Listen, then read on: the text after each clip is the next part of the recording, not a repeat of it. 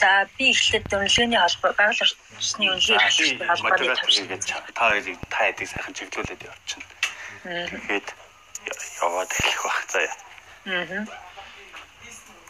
Бэнэ. Бэн бэр. А за.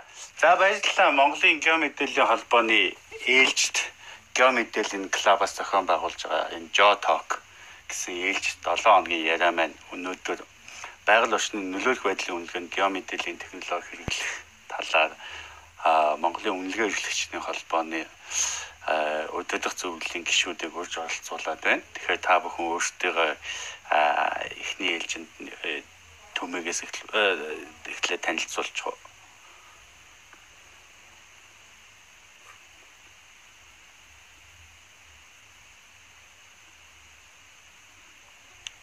байна уу? Хаачаад яриадсан шүү дээ. За та бүхэнд энэ орой мэндийг хүргэе. Юуны өмнө очроод одоо энэ өдрийг цаг зав гарган биднэрт одоо манай салбарын үнэлгээний ихний мэдээллийг хүргэхээр урьж оролцуулж байгаад маш их баярлалаа. Тэгээд үнэлгээний холбоо талаар эхлээд товч мэдээлэл өгье гэж бодож байна. Би болохоор байгаль орчны үнэлгээ эрхлэгчтэй холбооны удирдах зөвлөлийн гишүүн зурвалтын секторыг хариуцж ажилладаг байгаа. Үнэлгээний холбоо маань анх 2005 онд 5 гишүүнтэйгээр байгуулагдаж ирсэн. Одоо хугацаанд бол үнэлгээний холбооны удирдах зөвлөл тэргуун дагуу шинжлэгдээд хэд хэдэн удаа солигдож өөрчлөгдсөн байгаа. Яг одоогийн байдлаар бол удирдах зөвлөлийн гишүүн 11 гишүүнтэй, хяналтын зөвлөлийн 3 гишүүн үйл ажиллагаа явуулж байгаа. Мэргэжлийн одоо орчны үнэлгээ эрхэлдэг мэргэжлийн байгууллагуудаас одоогоор 60 гаруй байгууллага манай холбооны гишүүнчлэлтэй үйл ажиллагаа явуулдаг. А сүүлийн жилүүдэд бол одоо байгаль орчны мэргэжлийн байгууллагын чадварыг бэхжүүлэх чиглэлээр бол сургалт хөтөлбөрийг бол яамтай хамтран тогтмол зохион байгуулж явуулж байгаа.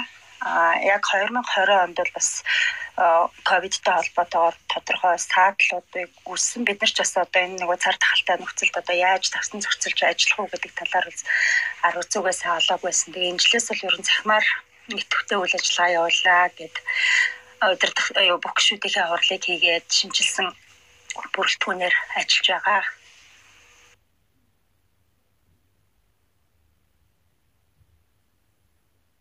За. Доктор Бэмхүү танилцуулах уу? За, сайн бацгаана уу? Аа, та бүхэнд энэ ороо мэндийг хүргэе. За намайг Бимхо гэдэг. За би бас мөн энэ үнэлгээчтэй холбооны удирдах зөвлөлийн гишүүнээр сонгогдоод ер нь сонгогдоод удаагүй байгаа. За тундаа танилцуулахад юм байна дөө. За баярлалаа болдоо. Өөрөө бас хаана ажилладаг вүлээ бас.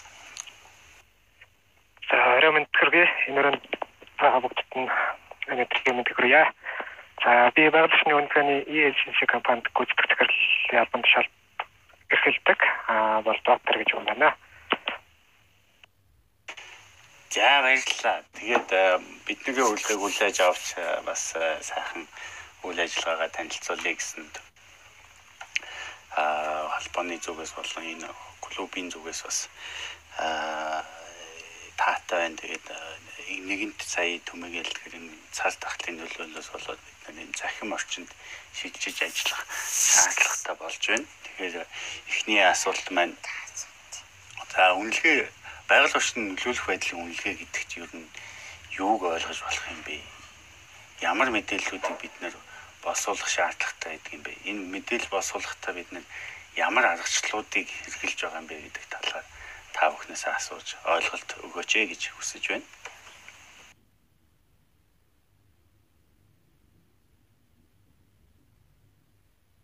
энэ дээр бол манай бямхүү доктор өмнөх одоо 2014 онд байгаль орчин 12 он байгаль орчин нөлөөлөх болон үнэлгээний тухай багц хууль шинжилэгдээд түүнтэй холбоотойгоор гарсан дүрм журм аргачлал байгаль орчин нөлөөлөх байдлын үнэлгээ боловс аргачлал ажилд оролцсон гар бие оролцож одоо болтол бид нэр одоо тэр боловсруулсан аргачлалын дагуу байгаль орчны үнэлгээг хийж байгаа. Тэгэхээр энэ талаарх мэдээлэл бол доктор Бямхүү маш сайхан ярьж танилцуулсан зүг баха.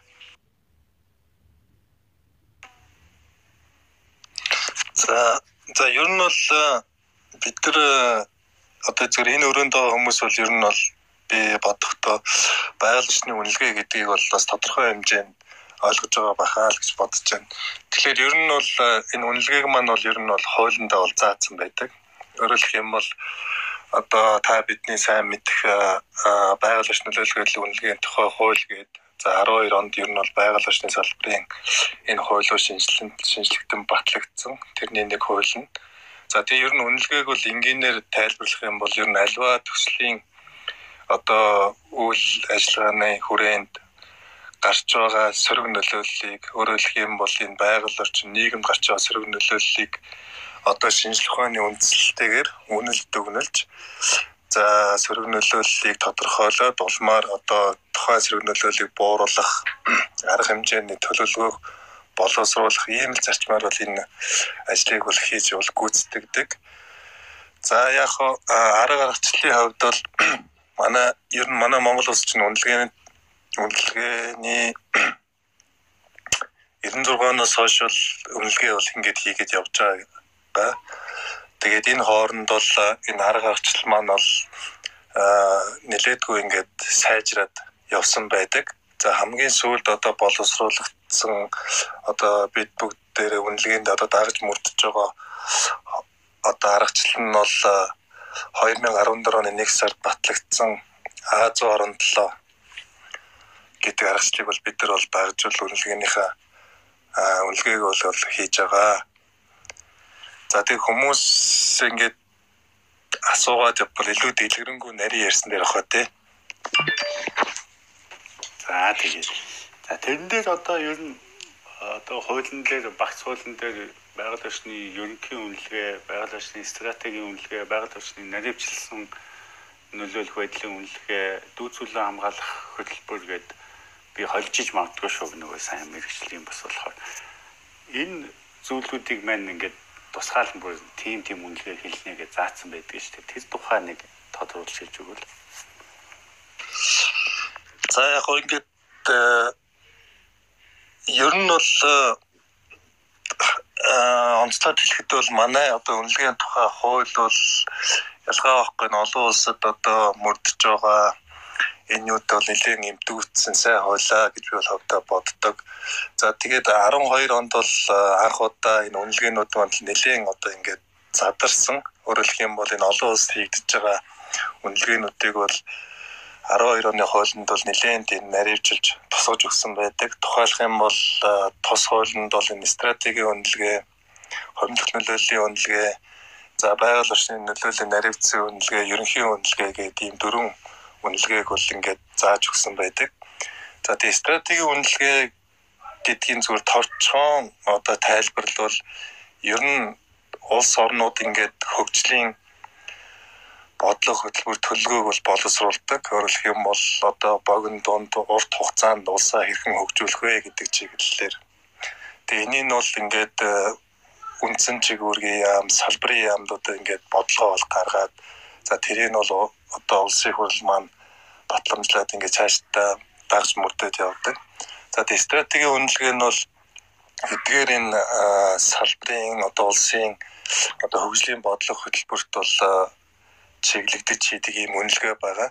Өөрөөр хэлэх юм бол тухайн одоо хөгжлийн бодлого хөтөлбөр төлөвлөгөө хэрэгжихэд нэгдүгээр хамгийн түрүүнд хийж байгаа юм нь бол энэ байгаль орчны хууль эрх зүйг дагж мөрдөж гэнэ гэдгээс нь бол авчул үздэг. За тухайн тэгээ төсөл боловсруулаад ингээд үнэхээр байгаль орчны хууль тогтоомжид дагж мөрдөж чадчихвэл тухайн одоо хөгжлийн бодлого хэлбэрийг бол боловсруулах үйл явц манад эхэлдэг. За иймэрхүү агуулгаар бол хуулиндаж томьёологдсон, аргачлалтаж томьёологдсон бол байдаг. За тэгээд э, ерөнхийдөө гол гардаг үр дүн нь юу вэ гэхлээр ерөнхийдөө тэр тухайн одоо боловсруулж байгаа хөгжлийн бодлого төлөв хөтөлбөр маань үнэхээр энэ байгаль орчиндөө ээлтэй нийгэм нийгэм эдийн засагтай юм эерэг одоо байна уу үгүй юу гэдэгт илүү сайн дүн шинжилгээ хийж явдаг гэсэн. За дараагийн тэр хомдлох нөлөөлийн үнэлгээ гэдэг нь бол ерөнхийдөө за хуулиндаа бол 2 ба түүнээс дээш одоо үйл ажиллагаа явж байгаа ийм газруудад бол хийдэг. За хууль нь нэлээд урт өгүүлэр байд юм аа. Тэгээ ер нь бол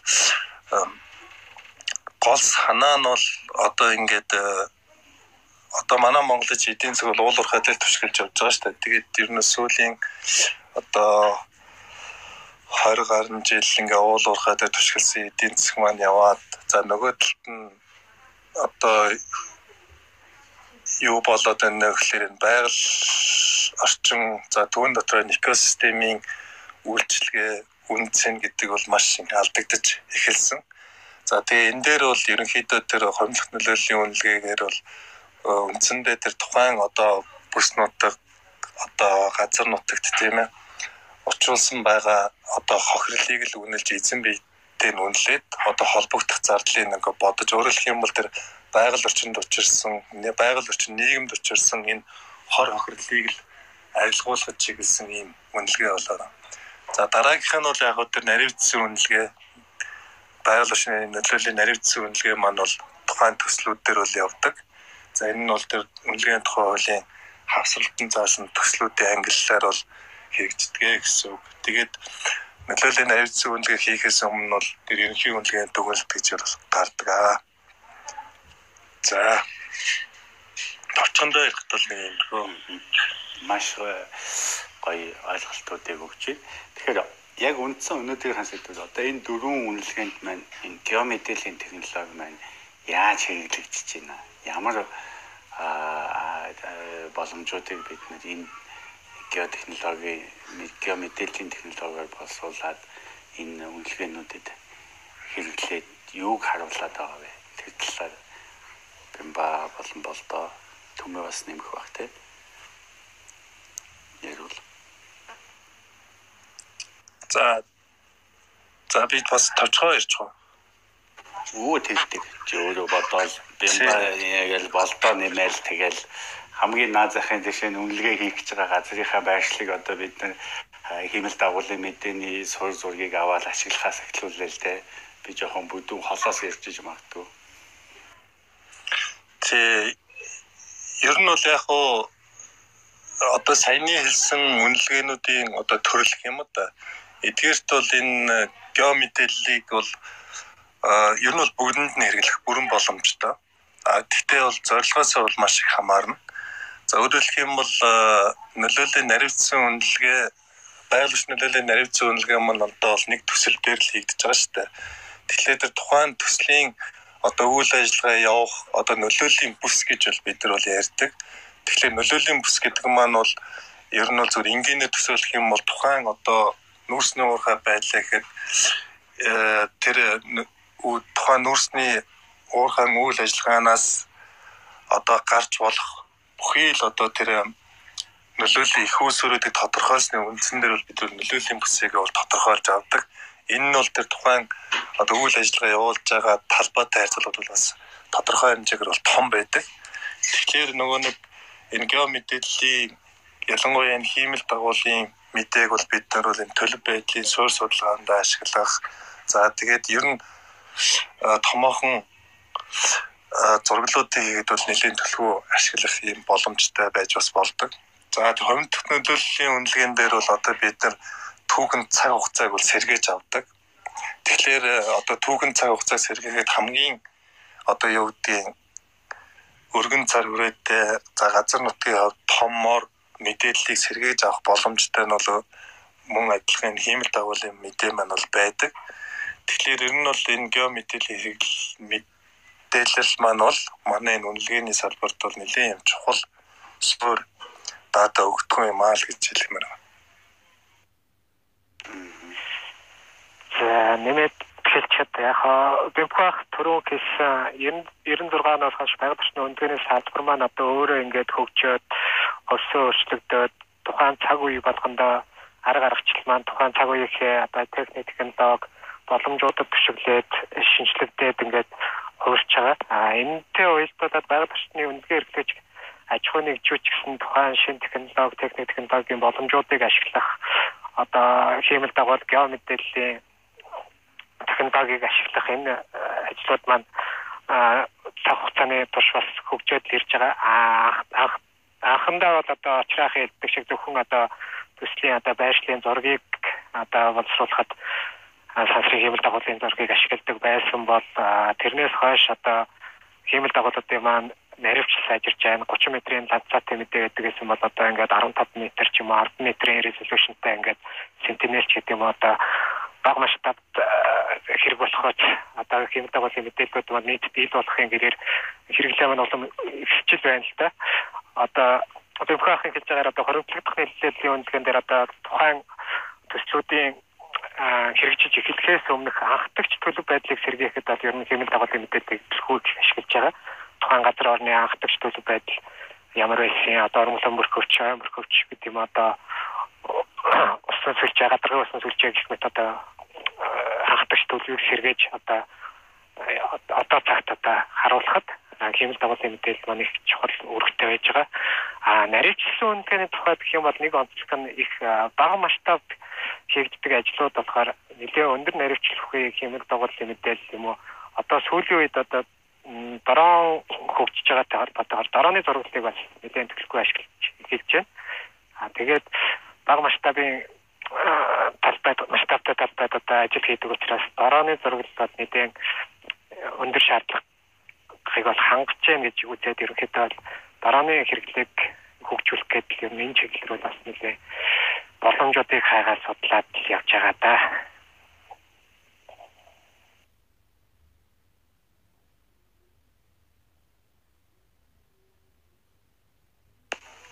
Байна уу? Яа дасаа. Байна. А дууссан. Би сайн нэг дуудлага орж ирээд аачлаа. Аа баярлалаа болдоо. Төмөгийн зүгээс нэмэх юм байгаа юу? Энэ дээр зөвхөн одоо геометрил гэдэг маань би жишээ авахта хэмэл дагуулын мэдээ гэж дуусчлаа л да. Тэрнээс биш яг геометрил гэдэг мэдээ гэдэг дээр бол бид нар одоо юу авч олгоод байвал зайнаас тантан судлал газар зүйн мэдээллийн систем дээрээс нь байшил тогтоох систем гэдэг энэ гурван системийг ерөнхийдөө нийлүүлсэн технологи хэлээд байгаа. Хэлбэл тухайн одоо үнэлгээ хийж байгаа газрын чинь байршлыг бид нэр яаж болох юм бэ? Тэр аймгийн тэр сум гэж өгөхөөс илүү нөгөө уртсгүй үргэлжлэн мэдээлэлээс. Тэгээд цаашлаад газрын зураг гэж газар зүйн мэдээллийн системээр оруулаад газрын зураг болгож боловсруулах. Тэр газрын зураг боловсруулахдаа бид хэмэл дагуулын мэдээ хэрэгжилж ийн гэсэн энэ гурван зүйлийн зохицлыг л хэлээд байгаа юм шүү. Тэгээд бас үүнтэй холбоотойгоор үргэлжлүүлээ сая бэмхүүд доктор дурдаад өнгөрсөн энэ одоо хуримтлагдах нөлөөлөлтөд бид нэг энэ орон зайн дүн шинжилгээ дээрээс нь загварчлуудыг их ашиглаж байгаа энэ аргачлалуудыг бас энэ үнэлэх байдлын э, хуулийг дагаж гарч ирсэн журмууд дээр зааж өгсөн байгаа. Тэр аргачлалуудыг одоо тухайлбал сэдв болгоно хөрсний бохирд агаарын бохирд тэ агаарын бусад ийм үзүүлэлтүүдээр танилцуулах талаар нь ямар аргачлал хэрэгжилж юм нэ одоо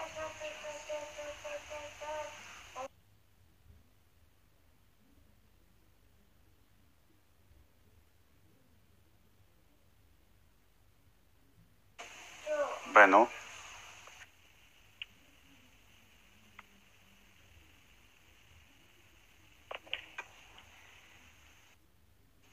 Мэнэ.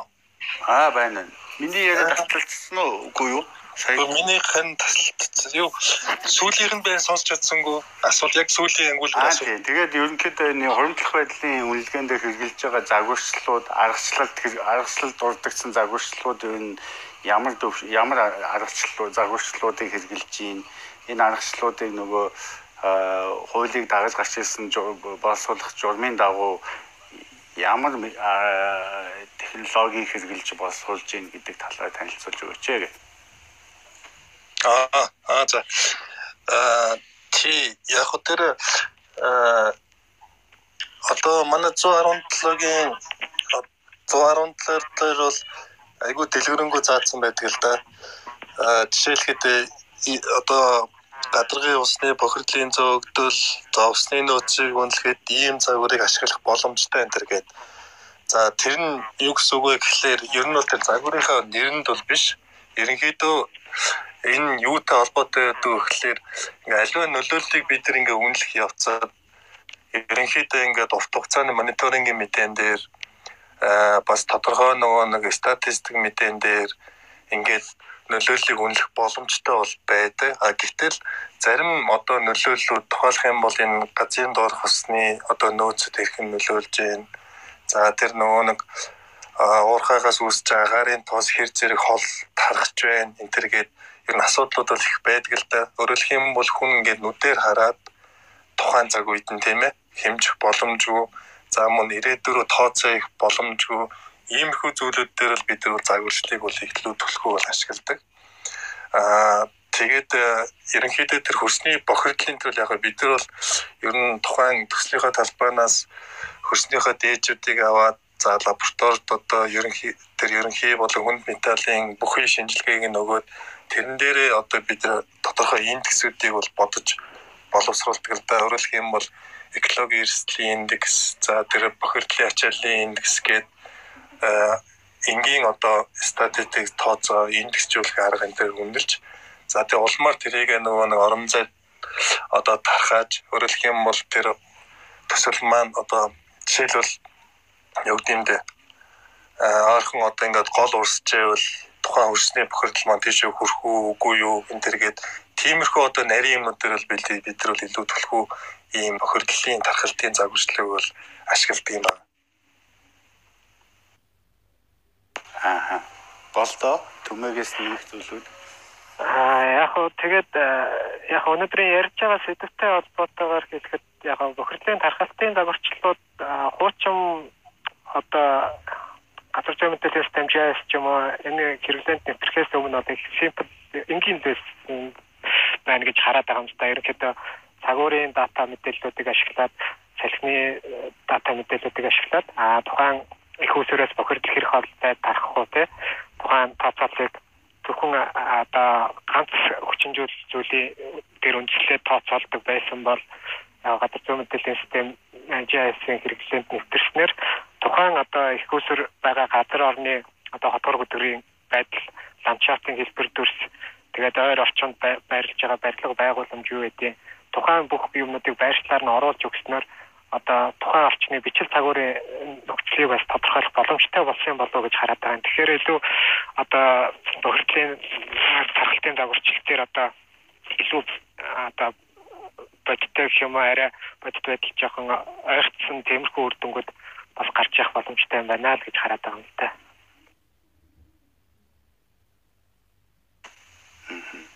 Зөв зөв. За одоо эдгээр мэдээллүүд маань ингээд сайхан болсогдоод гараад ирлээ. Одоо нөгөө мэдээллүүд маань нэгдсэн сангаараа одоо нөгөө байгаль орчны мэдээллийн э, мэдээллийн төвийн сайтн дээр нөгөө байдаг мэдээллийн саналуу бүх мэдээллүүд маань орж байна. Одоо тэр мэдээллүүд маань одоо үнэхээр хэрэгсэн мэдээлэл аль хэлбэрээр хүн бидээ саяын ингэж боловсон загварчлалын үр дүнгууд орон зайн дүн шинжилгээ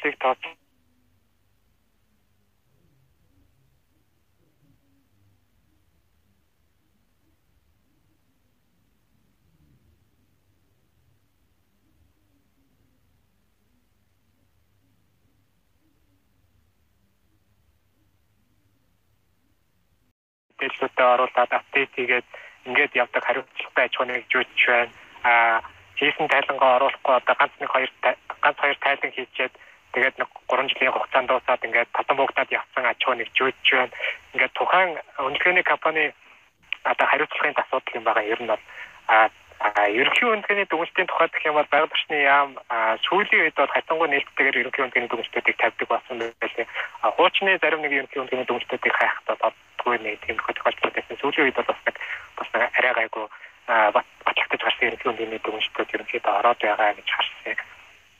За тэгээд олон нийтэд одоо нээлттэй байдлаар одоо ойлгогдох үйс байдлаар тайланг яаж танилцуулах вэ гэж. А энэ дээр болохоор тухайн нөгөө аргачлал дээр маань техникийн бус хураангуй гэсэн байгаль орчны нөлөөтэй наривсан гэн техникийн бус хураангуй гэж бүлэг байна гэдэг одоо заасан байгаа. Тухайн техникийн бус хураангуй маань юу вэ гэхээр одоо олон нийт одоо сонирхогч талуудад аль болох ойлгомжтой байдлаар мэрэгжлийн үг гэлэг ашиглаагүйгээр ингээд тухайн тайлангийн хураангуулад ингээд оруулах хэрэгтэй юм аа.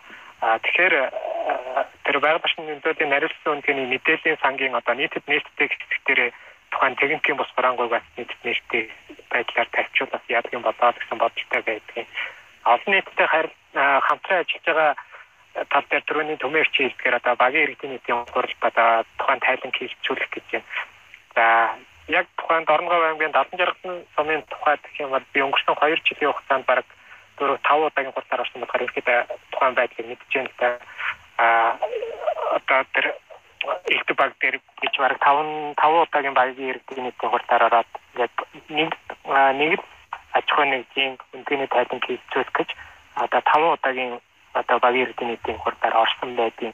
А тухайн багийн иргэдийн нийтийн хурал дээр байгаль орчны төлөвлөх байдлын наригдсан үндэний тайлангийн ач холбогдод одоо зорилго чиглэл тухайн багийн иргэд одоо төсөрж орчны иргэд нөлөөлийн бүсийн иргэд одоо сонирхогч талууд тухайн наригдсан үндэний тайлангаас одоо аль хэсэг нь чухал вэ? Алийн ойлгуул та бүхэнд одоо хүртээмжтэй гэдэг гэдэг талаар маш одоо урт хугацааны яриа таниулгыг хийхийг оролцсон боловч багийн иргэд бол тухайн бол нэг тэгж цаашаа сонсдгүй юм шиг надад санагдаад идэв.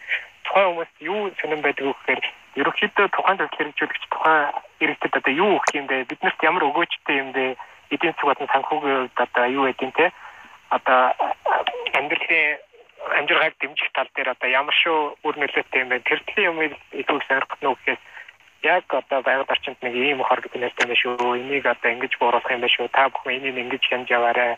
Энэ компани чинь цаашдаа ийм ийм үйл ажиллагаануудыг хэрэгжүүлж одоо байгаль орчныг хамгаалах чиглэлээр үйл ажиллагаа явуулах юм байна шүү гэдэг ингээд яриа хэлээд яриа одоо хэлцүүлэгдэг хийдэг боловч тухайн яг байгаль орчны үндэстэй холбоотой бус одоо төсөл хэрэгжүүлэгчтэй холбоотой одоо эдийн засаг санхүүгийн төлөв а сонирхол нь илүү давмгай байд юм болоо даа гэж ажигласан шүү дээ ер нь өнгөрсөн 2 жилийн хугацаанд байна. Бэнэ. Баярлалаа. За хүлээж байгаарай энэ чимээг хүлээж байгаарай.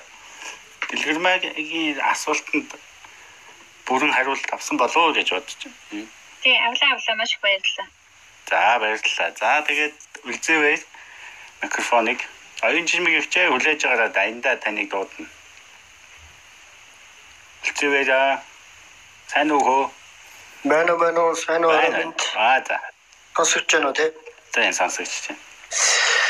За бүгдээрэнд оройн минь би ч ерөөхдөө нэх олон байгууллага яриа яваад байдаг. Яг энэ удаагийн одоо уулзалт дээр нь бол илүү нөгөө байгаль орчны нөлөөлөх байдлын үнэлгээг хэрэглэгч талаас улуурхайн төслүүд дээр хэрэгэлдэг хүний байр суурийг ер нь асуулт асууж санал хэлье гэсэн юм бодол байна.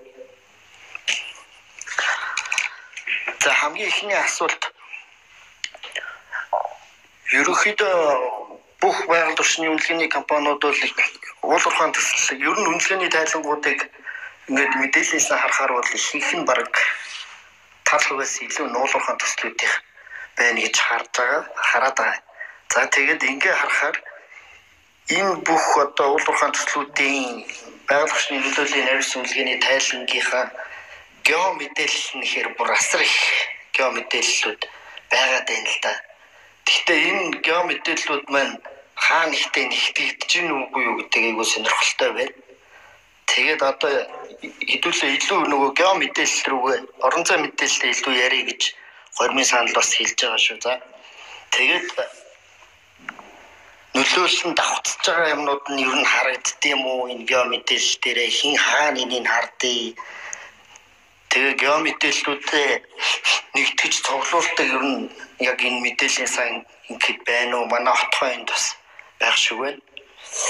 А хоёр дахь асуулт болохоор за дүүцүүлэн хамгааллыг түрүү ярьжсэн дүүцүүлэн хамгаалал дээр бол ерөнхийдөө миний хараад байгаагаар миний сүүлийн үед олж уншсан үнэлгээний тайлангуудаас харахад бол үндсэндээ уурхаа дээр бол ялангуяа уурхаа карьерийн талбай хэмжээг бодож гаргаж ирээд тэрийг нэг тийм коэффициентээр ч юм уу ерөнхийдөө миний харснаар ч үржүүлээд үржүүлээд үнэлгээ гаргаж ирээд а тэдэн га газар төзөөлөл хамгаалт хийх юм байна. Нэг гаагийн тэдэн доллараар бодно гэсэн байдлаар ингэж бодоод тэгээ үнэлгээ гаргаж ирчээд байгаа байхгүй юу. За тэнгууд энэ дэр миний асуулт юу гэхээр за хэрвээ шороо орд байгаад энийг эргүүлээ нөхөс сэргээчүүл үлдэгдэл нөлөөлөл юу гэж үзээд байгаа. Тэгвэл асуулт. За том нүүрсний орд ч юм уу юуны үндсэн орд байж болж байна. Гэхдээ энийг хаагаар нөхөн сэргээсэн тохиолдолд нуур баян бүрд болгоод үлдээх тийм ч өөрөө илүү экологийн хувьд эерэг нөлөөтэй газар болоод хаа нөхөн сэргээсэн байх бас үлдэгдэл нөлөөлөл нь юу гэж үзээд байгаа юм дээр гэд. Тэгээд энэ дээр үлдэгдэл нөлөөллөө яг яаж бодож гаргаад юу юу үлдэж чинь ямар нөлөө үлдэж чинь гэж үзээд байгаа гэдгийг айгуусаа тодруулмаар байна гэсэн ийм асуулт байна. За 3 дугаар асуулт. Түрүү орчны хяналт шинжилгээний хөтөлбөрийн талаар ярьж ирсэн. Ихэнхдээ миний олж одоо уншижсэн хэрэгжилж ирсэн үнэлгээний тайлангууд дээр бол орчны хяналт шинжилгээний цэгүүдийг бол хатуу тогтоогоогүй байдаг. За зарим тайлангуудыг уншиж байхад бол тухайн улуурхаан тусны байгаль орчны мэрэгчлэнүүд одоо мэрэгчлэлт нь өөрөө одоо хяналт шинжилгээний цэгээ тогтооноч гэдэг юм. Тэгж зөвлөсөн тайлангууд бас хэдэд байсан. За энэ дэр миний хувьд яадаг ямар байр суурьтай байна гэхээр за тэзүүгээрээ бол угаасаа тухайн уул ухаан төслийн бүх юмнуудын байршлууд те бүх нөгөө бохирдлын их ус үрүүдийн чинь байршлууд тодорхой байгаа. За тэгээ уурхаа эхлээд тэзүү ихэнхдээ уурхаанууд бол яг тэзүүн дээр байгаа зургаар хязгаарч явдаггүй байхгүй юу?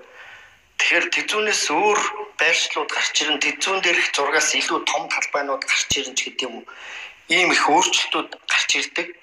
Тэгээд энэ энэтэйгээ уялдуулаад тухайн уурхайн байгаль орчны мэрэгчлэлтэй өөрөө салхиныхаа дээр салхиныхаа доор усныхаа урсцын дээр доор гэдэг ч юм уу. Ийм байдлаар хял шинжилгээний зэгүүдээ ингээд дотоод тэгээ яваад идэм аа. Ер нь бол миний хараад байгаагаар аа бас энэ орчны хял шинжилгээний хөтөлбөр дээр байгаль орчин аж үйлчлэлийн яам дээр бас тайлан өгөх төлөвлөгөө өгөхдөө цэгүүдийг координатуудыг өгдөг. За энэ нэг гео мэдээлэл байгаа тий. За энэ дээр харин манай яам дээр отгоо эрдэнэхүү өдр маань ерөнхийдөө нөгөө тайлан дээр орж ирж байгаа нөгөө орчин цэгүүд дээр шинжилгээний дүнгууд дүр дүнгууд ч юм уу бохирдлууд үүсч ийн үгүй юу гэдгийг хард юм уугүй юу гэсэн тийм асуултууд байна. За за тавчхандаа нэг нэг болсон ийм асуултууд байна. Тэгээд энэ хүрээнд хэдүүлээ ярилцъя гэж бодож байна. За баярлалаа. Давчхандаа гэснээр 4 5 асуулт болсон шүү дээ баярлалаа. Асуулт. Яг сая дэлгэрмээ их чи хэлдэг даа яг энэ нэгдсэнд бас түрүүн бас бид ярьж ирсэн нөгөө мэдээллүүдийг хаана нэгтэж болох вэ? Энэ дээр төмөө бас бас хэлжсэн бахах. Тэгээ хуулийнхаа дагуу бас нэлээд мэдээллүүдийг өгч байгаа. Энэ маань байгаль орчны яамн дээр нэгтгэхдээ нарангээл бас дуртаад явцсан. Тэгэхээр отгоор бас энэ асуултанд хариулах болов гэсэн бодолтой отгоо яах вэ? Аа сайн байна. Сайн уу? Үгүй асууж. Ер нь яам дээр яг энэ одоо үнэлгээний мэдээллийн сан дээр бол байршилтай холбоотой гэх юм бол ер нь баг мэдээлэл авч чадахгүй байгаа да миний харснаар. За асуултахгүй одоо тусгай шүүрлийн нэг лицензийн булангийн зүгүүд байгаа бах. За яг энэ төлөвлөгөөний зураг бол яг байгаль менежментийн төлөвлөгөө гэсэн нэг хэсэг байгаа. Тэрийг бид энэ жил ер нь ашиглалтанд оруулах гэдэг нэмэлт өөрчлөлтүүдийг хийх гээд ерөнхийдөө 21 онд төлөвлөлөд байж байгаа. За дээр нь тэр төлөвлөгөөний зураг нөгөө CD-ээр ирдэг гэдсэн шүү дээ. Ям дээр. Тэрийг бид нар ихэд яг нэгтгэсэн байдлаар улсын хэмжээнд нэгтгэж авъя гэж нэлээд оролдож үзсэн. Үнэхээр бас болохгүй мөлий. Ямар асуудлууд үүсэдэг гэхээр нөгөө аж ахуйн нэгжүүд маань янз янзын форматаар мэдээгээр үйлчлдэг. Нөгөөх нь нэгтгэж авахд маш хүндрэл үүсээд ер нь их төвхтэй байдал үүссэн. Тэгээ бид нэр ерөөхдөө ярилцж байгаа үнэлгээний мэдээлэл сандаа тэр байгаль орчны юуных нь энэ нэмэлт өөрчлөлт оруулад мэдээлэл сангаар нь дамжуулж авдаг байдлаар нэг формат гаргаад тэргээр нь авах гэсэн бодолтой байж байна. За би би нэмч хөө. Тэг тэг дүүцүүлэлттэй холбоотой асуулт байна. Ер нь харуулах гэдэг. За энэ за эхнийх нь тэр мэдээлэл нэгтгэх гэж байгаа. За ер нь ийм байна. Аа энэ ажил бол яам дээр нэлээдгүй ер нь яригддаг асуудлын нэг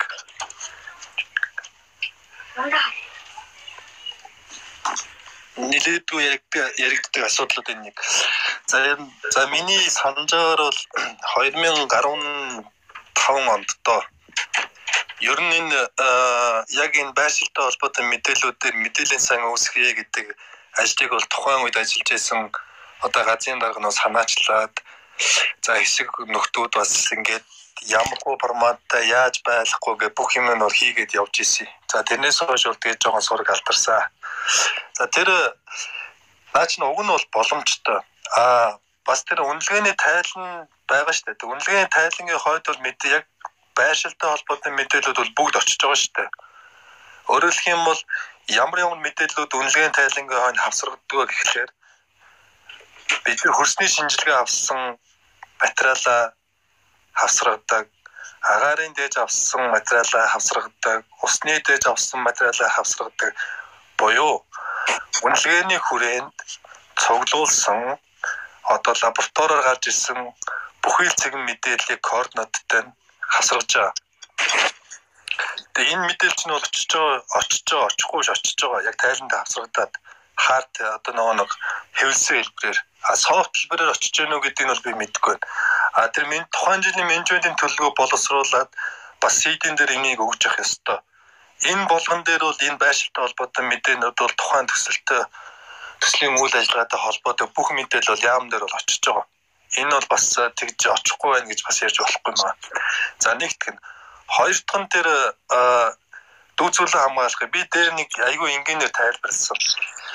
Ер нь бол энэ дүүцүүлэн хамгаалах гэдгийг бид нэр ойлгохдоо ер нь тэр экосистемийн үйлчлэгээ ландшафтын төвшин гэдэг энэ ойлголтыг эхлээд айгуусаа ойлгох хэрэгтэй. Өөрөөр хэлэх юм бол төсөл байгаагүй байвал тэндээс одоо тэр хүрээлэн боршноос авж байгаа тэр үйлчлэгийг бүрэн гүйцэд аваад явж явах хэрэгтэй байхгүй юу? Ус нь одоо цэврээрээ мал нь угаад, өвс нь ургаад, мал нь угаад, малын бид нар одоо идээд ингээд ингээд нэг юм нэг сүлжээ байдаг л да.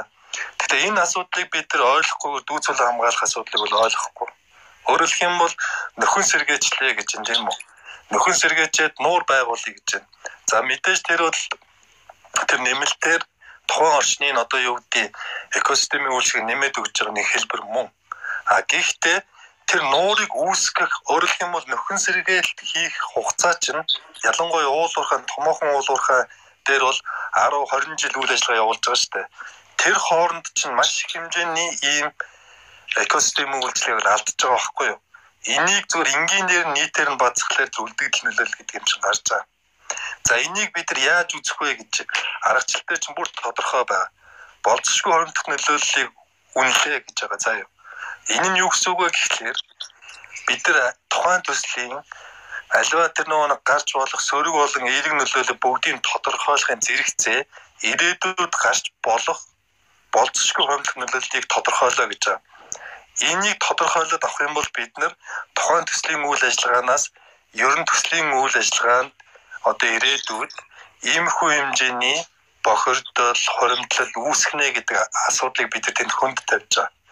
Энэ болгоныг бид нар зөв хийгээд явах юм бол үлдэгдэл нөлөөлөл гэдэг юм бодоод авч байна гэсэн үг. За тэр гурав дахь асуулт нь юу байлаа? Мониторингийн мониторинг мониторингийн холбоотойгоор нөгөө энэ мониторингийн зүгүүд аваад байгаа үлзээ. Аа тий. Тий тий тий. Юу штэ тэр мониторинг цэгүүд чинь зүгээр нэг хүн одоо нэг харандаа барьж аваад координат хатгачдаг юм биш байхгүй юу? Энийг түрүүнд манай болдоо айгүй сайн тайлбарласан.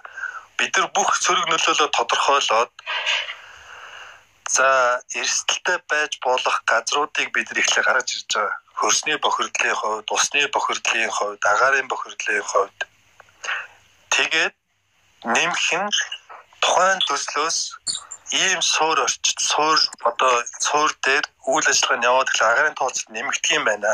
Энэ чиглэл рүү давамгаалах юм байна. Ус нь ингээд бохирдол нэмэгдэхлээр доош иймэрхүү хэмжээнд урсах юм байна. Энэ бодгоны чинь тооцоолж байгаад тэр мониторинг цэгүүдийг бид нар байгаль орчны менежментийн төлөвлөгөөн дээр зоож өгдөг.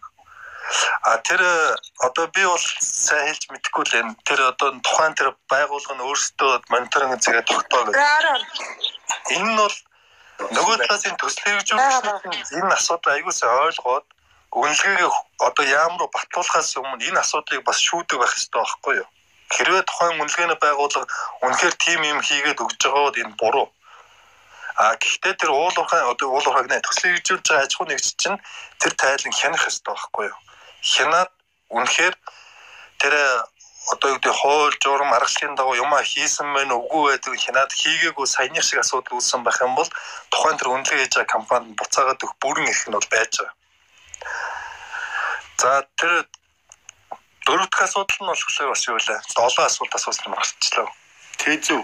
Яга мониторингийн зэгүүдтэй холбогдоод тэзүү тий.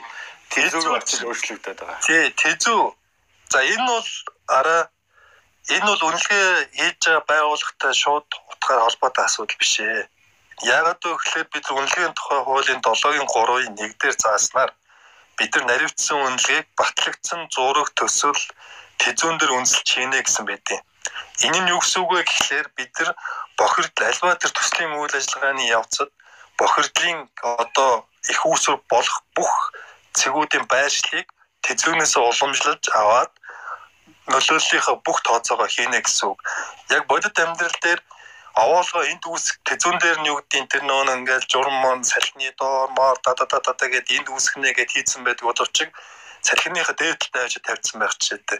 Тэгэхээр чин нөлөөлөл чинь буруу болох нь ойлгомжтой шүү дээ. Яагаад гэвэл бид нар тэр уурхайн одоо салхины доор 300 м-т овоолго үүснэ гэж үзээд тооцоогоо хийсэн байсан чинь тухайн тэр төсөл хэрэгжүүлж байгаа байгууллага маань уурхайхаа нөгөө талд 500 м тааж тавьсан бол нөгөө бохирдлын маань их үүсээр байршлыг шилжиж байгаа байхгүй? Энэ тохиолдолд биднээсийн хийж байгаа үнэлгээ чинь өөрөө буруу болоо явчихна. За тийм учраас тэр хуулийн дээр бол одоо ер нь бол тэр батлагдсан зураг төсөл тэзүүн дээр үндэслэж үнэлгээгээ хийнэ гэдэг ийм санаа чинь бол явж байгаа юм. За тав дахь асуулт нь За барил болчлоо одоо дөрвөн асуулт яг үндсэндээ нь хэд хэдэн асуулт үлзээ болсон байхаа үлзээ бүрэн нэмэх зүйл байна. Болсон болсон өөр нэмэх саналтай хүмүүс байвал нэмээд саналуудаа хэлэх зүйл баха. За тэгээд микрофоныг отхон төгсгөн шилжүүлье. Баярлалаа. Ачаа би нэг юм нэмчих ба. Аа за уучлаарай нэмэх байсан. За тэр нөгөө дүүцэл офсет дээр одоо харга аргачлал дээр байгаад тэр нэг нэг тэнцүү одоо 5 төлбөрийг нэгж гэж яваад байгаа. Энэ бол доллар биш шүү.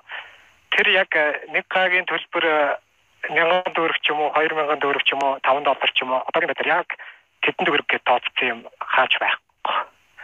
Энийг одоо байгалийн яам ч юм уу ямар нэг шинэ журам арга шинээр одоо аргачлалаа шинжлэх юм бол одоо тухайн экологийн бүс нутагтаа тохируулаад нэг гагийн суурь үнэлгээг өөртөө тооцож өгөх бах одоо энэ дээрээс болоод бас нэгэн одоо маргаан бол гарч байгаа. Нэг гагийн офсетийн төлбөр яг хэдэн төгрөг юм бэ гэдэг тэр хитрхи их тавьчлаа, хитрхи бага тавьчлаа гэдэг ингээд асуудлууд нэгэн гарч байгаа. За тэр тэзүүгийн дураг төсөл өөрчлөгддөг тал дээр бол тэртээ тэргүү тэзүү маань өөрөө 5 жил тутамдаа шинжлэгдээд явж байгаа. А тухайн төслийнхөө хүчин чадлын өөрчлөлт ч гэдэг юм ямар нэгэн байдлын өөрчлөлт энэ төр юмнууд нь 5 5 жилээр тодтогдоод тэзүү тодтоход ороод дагаад наривчлал үнэлгээ тодтоолоор явж байгаа. Тэгээд тодтгол дээр энэ асуудлууд нь 5 5 жилээр энэ асуудлууд маань өөртөө аяндаа зэгтрээд явах болов гэж харддаг шүү дээ ер нь. очроо би нэг юм нэмчихв. Тэгээд тэгдэг. За энэ нөгөө үлцэг асуусан асуулт нөгөө дүүцүүлэн хамгаалалт дээр бол энэ нөгөө 117-гийн аргачлал дээр дүүцүүлэн хамгааллын итгэл зүйр гэж байгаа шүү дээ. Тэн дээр бол одоо энэ дүүцүүлэн хамгааллын яг суур үндсэн 5 одоо суурийг бол авч үзээд байгаа шүү дээ. Дөрөвний миний ярьсан амьдрал хүчний төрөл, экосистем, ховор байдал гээл ландшафтын байршил энэ төр гээл тэрний тав дээр нь бол уг нөлөөллийн хугацаа гэж байгаа л та. Өөрөөр хэлбэл нөгөө үлдэгдэл нөлөөллийг тооцоод үзэх юм бол ер нь дүүцүүлэн хамгааллын чинь гол зарчим нь бол яг нөгөө ижил төвшний экосистемтэй газар бол тэрийг одоо бий болгох одоо биологийн орлын зүйл хамгаалах арга хэмжээ байгаа тийм үү. Тэр үлдэгдэл нөлөөлөл хизээ дуусна төдий хэмжээ дүүцүүлэн хамгааллын арга хэмжээ бол явна гэж ойлгож байгаа шүү дээ. Нөлөөлөл үргэлжлэх хугацаа буюу тавтах итгэл зүрээр бол Тэгэхээр ер нь бол үлдэгдэл нөлөөлөлөө зөв тооцоод ерөө одоо юу гэдэг карьер үсэр байгаа тэр карьерийг экосистемд одоо эрэг байдалтай болох эсвэл одоо тэр нь байнгын зөвнөлөд үзүүлэл байгаа бол мөдөөцөл хамгааллын харга хэмжээ нөгөө газараа үргэлжлээд байна гэж ойлгож байгаа л доо. За би ганцхан товчхон юм яач. Тэгээд За ерөнхийдөө нөлөөллийн үнэлгээн дээр бол нөлөөллийн бүс тогтоох гэж нэг том асуудал байдаг. Энэ бол цэвэр баг гео мэдээлэл тэгэхээр гео талаас нь хийгээд байгаа. За жишээ нь зүгээр гортог татчих байгаа байхгүй юу? 2 км уурхай юунаас 2 км-ийн радиусаар тэнгууд гортог татсан чинь хөдөөний айлын гар худаг үйлчийн хоёрын дундуур нөгөө гортогны зураас гараа авчиж байгаа байхгүй юу? Тэнгууд тэн дээр одоо танах нөлөөллийн бүст орсон ороогүй ч гэдэг юм. Ер нь энэ нөгөө нэг нөлөөллийн бүс тогтоох гэдэг дээр бол маш их маргаантай байдаг. Энэ дээр ер нь ямар шийдэл байвал зүгээр юм тэр талаар бас саналуудаа хэлээч. За би ярьж байгаа. тэгдэг тэгдэг. Одоо би бол мотивац болдоо та хоёр л бол одоо түмээ сайн болдоо бас нэмэн нэлсэн. Хоёр бол маань гол одоо үнэлгээ эрхлэгчийн энэ аргачлал дээр ажиллаж ирсэн дуршлагтай хүмүүс учраас энэ сонсогч нарын асуултанд ингээд харилцан хариулаад яваач л гэж хүсэж байгаа. Манай. Тий. Ер нь бол энэ нөлөөллийн бүс нөлөөлөл дөртөх бүс гэж за бид нар янз бүрээр л орчуулдаг. За энэ бол өөр айгүй чухал яг үнэн. Гэхдээ энийг бол би түрүүнд хэлсэн шүү дээ. Нэгдүгээр одоо ингээд тэзүүн дээр одоо батлагдсан тэзүүн дээр бүх тухайн одоо юу гэдгийг уурхайн үйл ажиллагаатай холбоотой шугамн болон талбай их үүсвэрүүд координатор гараад ирж байгаа. За энийг энэ тэгээд тэр одоо юу гэдэг нүүрс тээврийн зам тэгэл тэр овоолоо карьер за ингээл ажилчдын суурь мөр ингээд бүх ингээд бүрэлдэхүүн өсгүүдээ хэдүүлээ ингээд зүгээр бодоод үзье. За энэ эдгээрээс нөгөө талд нь бид нар юу харж байгаа нүг гэхлээр тэр нөлөөлийн бүсийг тогтоохоос өмнө шууд гортог татхаас өмнө юу бодох ёстой гэхлээр яг энэ нэг чи одоо үйл ажиллагаа болгоноос гарах бүхий л одоо нөлөөллийг бид нар зураглах ёстой байхгүй зүгээр энгийнээр хэлвэл ингээд бид нар зураглаад ирэхлээр тэрийг ингээд GIS-аар давхцуулаад ирэхлээр ерөнхийдөө тухайн төслөөс одоо гарч байгаа аливаа нөлөөллийн хамгийн хол зай тархах магадлалыг бид нар харж байна гэсэн үг. Эн чинь өөрөө нөлөөллийн бүс байхгүй юу? А энд нь үнэхээр тэр доржийн одоо тэр малчны хуудаг орж гэнэ үү үгүй юу гэдгийг хамгийн түрүүнд бид нар магадлах ёстой гэсэн. Тэгэхээр хэд хэдэн одоо параметр хувьсах хэмжигдүүнийг бид нар авч үзэх ёстой гэсэн үг байхгүй юу? Тэр агаар ус хөрс бүх юм нэмэх нь нийгмийн асуудлуудыг авч үзэх ёстой. Тэр өвөлжөө хаваржаа, тэр малчны худаг муудаг энэ болгоныг бид нар тогтоохгүйгээр шууд нөлөөллийн бүс нь энэ юмаа гэд хатуу одоо нэг засаг цагаан нэг чиг бол тогтоодог юм бол юм биш юм байгаа энэ өөрөө. Тэгэхээр бид нар тэр нөлөөллийн бүс гэдгийг маш хэдий чинээ зөв тодорхойлно. Цаашид энэ альва нөлөөлөлтөд гарах маргаантай асуудлууд төдий чинэл багасах юм боломж нь тэнд бүрэлдэж байгаа байхгүй юу.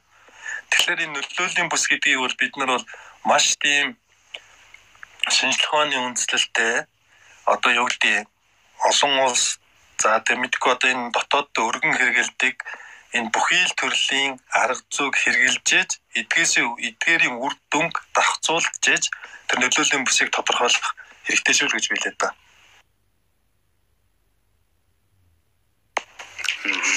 Вот бимпуго докторын хариултанд баярлалаа. Тэгэд яг ингээд одоо бимпуг докторын хэлж байгаа тайлбарлаж байгаагаар үнэхээр ингээд маш нарийн судалж иж нөлөөллийг тий усныхаа хувьд яаж нөлөөлүүлэх юм агаар агаарын хувьд яаж нөлөөлүүлэх юм тий газрын хувьд тэгээд бүх талаас нь маш нарийн судалж иж нөлөөллийг маш бодиттой тогтоохын тулд наривчлан үнэлгээний ажлыг бүтэн жилийн турш үргэлжлүүлж хийх гэдэг юм уу тодорхой хугацаа гаргаж хийж иж тэгээ нөгөө судалгаануудаа маш сайн наривчилж ижил хийхгүй бол одоогийн манайхны хийгээд байгаа 3 сарын дотор 6 сарын дотор хийгээд батлуулаад байгаа үнэлгээний тайлангууд дээр бол яг саний би бүх докторын яриад байгаа шиг л маш тодорхойгоор гарч ирэхгүй л байгаа тань л да.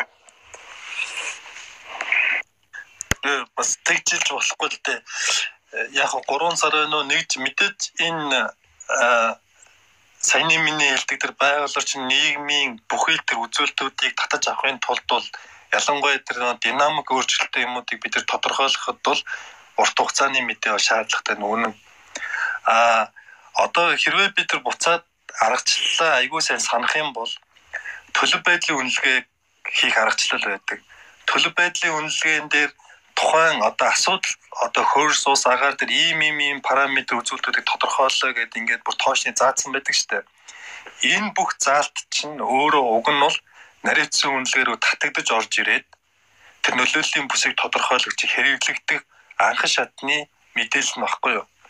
Тэгэхээр одоо нөгөө нэг энэ хугацааны асуудал бол айгүй чухал. Ялангуяа төслийн байршилтай холбоотойгоор энэ асуудал бол нэлээд хугацаар тавигддаг. Үнэхээр юу гэдгийг ийм нүүдлийн амтнан ихтэй энэ газар төсөл маань өөрөө хэрэгжиж байгаа бол одоо энэ ч нөөрэ байгалийн динамик зүй тогтол болж байна шүү дээ. Улирлаас хамаарсан шийдэл хөдөлгөөнд орж ирж байгаа гэсэн үг. Яг энэ тохиолдолд бол одоо жишээлхэд бид нар 3 сард одоо юу гэдгийг наривцсан үнэлгээ хийгээд батлуулна гэдэг нь бол өөрөө бас тодорхой хэмжээнд учир дутагдaltaй. А гэхдээ үнэлгээний аргачлал дээр бид нар тодорхой нөгөө нэг нөлөөллийг тодорхойлоход ашиглаж болох загварчлуудыг ингээд санал болгоцсон байдаг. Энэ нь манай аргачлал дээрч биш. Энэ олон улсад бүгдээр л адилхан хийдэг. Тэгэхээр энэ загварчлалыг жишээлхэд бид нар ингээд ашигла маш их юу гэдэг зөв зохистой тэр шийдвэр гаргаханд гаргал гаргалтанда зөв ингээ ашиглаад ирэх юм бол бас тодорхой тэр хээрийн судалгааны урт хугацааны энэ бүх асуудлуудыг бас хэмндэг юм давуу талтай байхгүй юу. Тэгэхээр бүх юм чинь одоо юу гэдгийг 100% биш, бүх юм төгс биш. Тэгэхээр өнөөдрийн явж байгаа бүхэл арга хэмжээ чинь нэгдүгээр тэр аль аль талаас бүх юм ингээл бодолцоол хийж байгаа ийм л асуудал байна. За хугацааны асуудлыг бол бид нар тусад нь ярих нь зөв бах уу тийм ээ. Тэр бол төлөв байдалтай нэлээ уялдан улмаар тэр тэзүү боловсруул гуй шаттай уялдан. Ялангуяа хойд бол хойд бол хавралтай яаж салхилахыг, намралтай яаж салхилахыг ингээд ингээд бүтэн жилийн турш турш салхины хор зүгийг хүртэл хэмжих хэрэгтэй л байгаа байхгүй юу? За одоо жишээлбэл яг энэ саяны цагуурын параметрууд одоо бас эдгэж бид нар өнөөдөр ингээд энэ жо мэдээ ярьж штэ тий.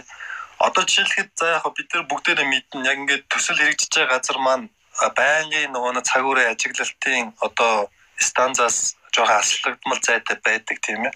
А гэхдээ энэ дэлхийн нийт чинь бүр 1 км-ийн наривчлалтай цагуурын үндсэн параметруудыг үндсэн хувьсах хэмжигдэхүүнүүдийг бодоод тооцоолоод дэлхийн хэмжээнд ингээд тавьсан байдаг шүү дээ. Тэгэхээр би юу хэлэх гээд байна вэ гэхлээр бид нар ашиглаж болох мэдээллийг сурвалжуудаа өөрсдөө эхлээд зөв олоод тэрийг зөв ашиглах юм бол өөрөөр хэлэх юм бол энэ орон зай мэдээллүүд бол бидэрт бас нэг талаасаа бас харьцангуй хангалттай болсон байгаа шүү 20 жилийн өмнөхтэй харьцуулбал тэр одоо зүгээр 10 жилийн өмнөхтэй харьцуулбал Таас би товчхон санал хэлчихье. Ерөнхийдөө үлцгийг хэлээд байгаа санаа бол зөвлөлтөө ер нь одоо энэ үнэлгээнүүд чи ер нь бодиттой байх юм уу, чанартай байх юм уу гэдэг асуудлыг л үлзий хөндөж байна л та. За биднес бол энэ э, одоо яг энэ асуудлыг ярих юм бол нөгөө үнэлгээний мэрэгжлийн байгууллагуудын туршлага, чадамжийн асуудал яригдчих эхэлнэ. Тэгээд яг төлөв байдлын судалгаан дээр бол байгалийн хүчин зүйлс өөрөө динамик хүчин тийм ээ. Тийм учраас байнгын өөрчлөлт явж идэг. Энийг судлахын тулд тодорхой цаг хугацаа хэрэгтэй нэг одоо юу гэдгийг ганц хоёрхан сарын дотор бол одоо энэ байгалийн элементүүдээс судлах нь бол өчигд дутагдaltaй гэдэг бол бүгдөө л мэдчихэж байгаа.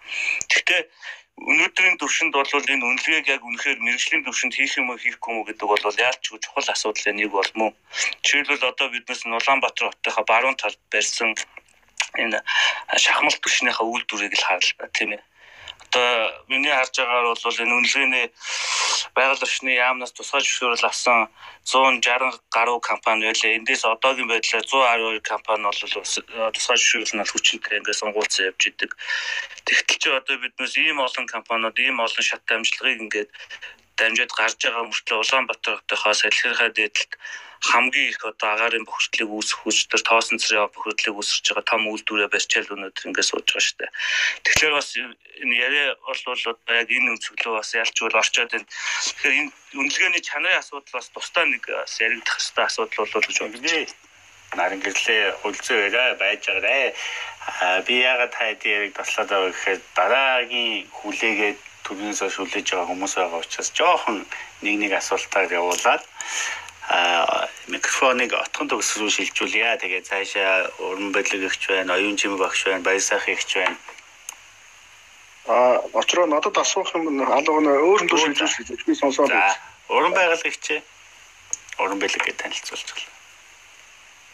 А спикер байж л байгаа отгоо. Хүмүүсийн асуун шүү яамтай холбоотой. Уу уран байгуулагч? Аа байна байна сонсож байна. Аа за танд асуулт байвал юм уу микрофоныг танилцуул шилжүүлъё. Аа баярлалаа. Их хэрэгтэй сайхан мэдээлүүд явж байна. Гэхдээ би байгаль орчны үнэлгээний талын мэрэгжлийн хүн биш л дээ. Гэхдээ энд ялангуяа ингээ мэдээллийнхээ мэдээлэлтэй холбогдож байна гэхэлэр надад их би одоо өөрөө хэлбэл хэрэглэгч байгаамаа. Тэгээд ялангуяа үнэлгээний талаар хийж байгаа байгаль орчны төлөв байдал аа тэгээд наривчлсан үнэлгээний талаар хийж байгаа ажлууд надад маш миний одоо хийж байгаа ажилтай маш их холбогддог учраас надад их үнэтэй мэдээлэлүүд болдго юм аа. Тэгээ та нарын ярьж байгаа ярианаас би бас хэрэгтэй мэдээллүүдээ олж авлаа. Их баярлалаа. Тэгээд энэ юг зохион байгуулж байгаа очиодоо бас баярлалаа гэж хэлье.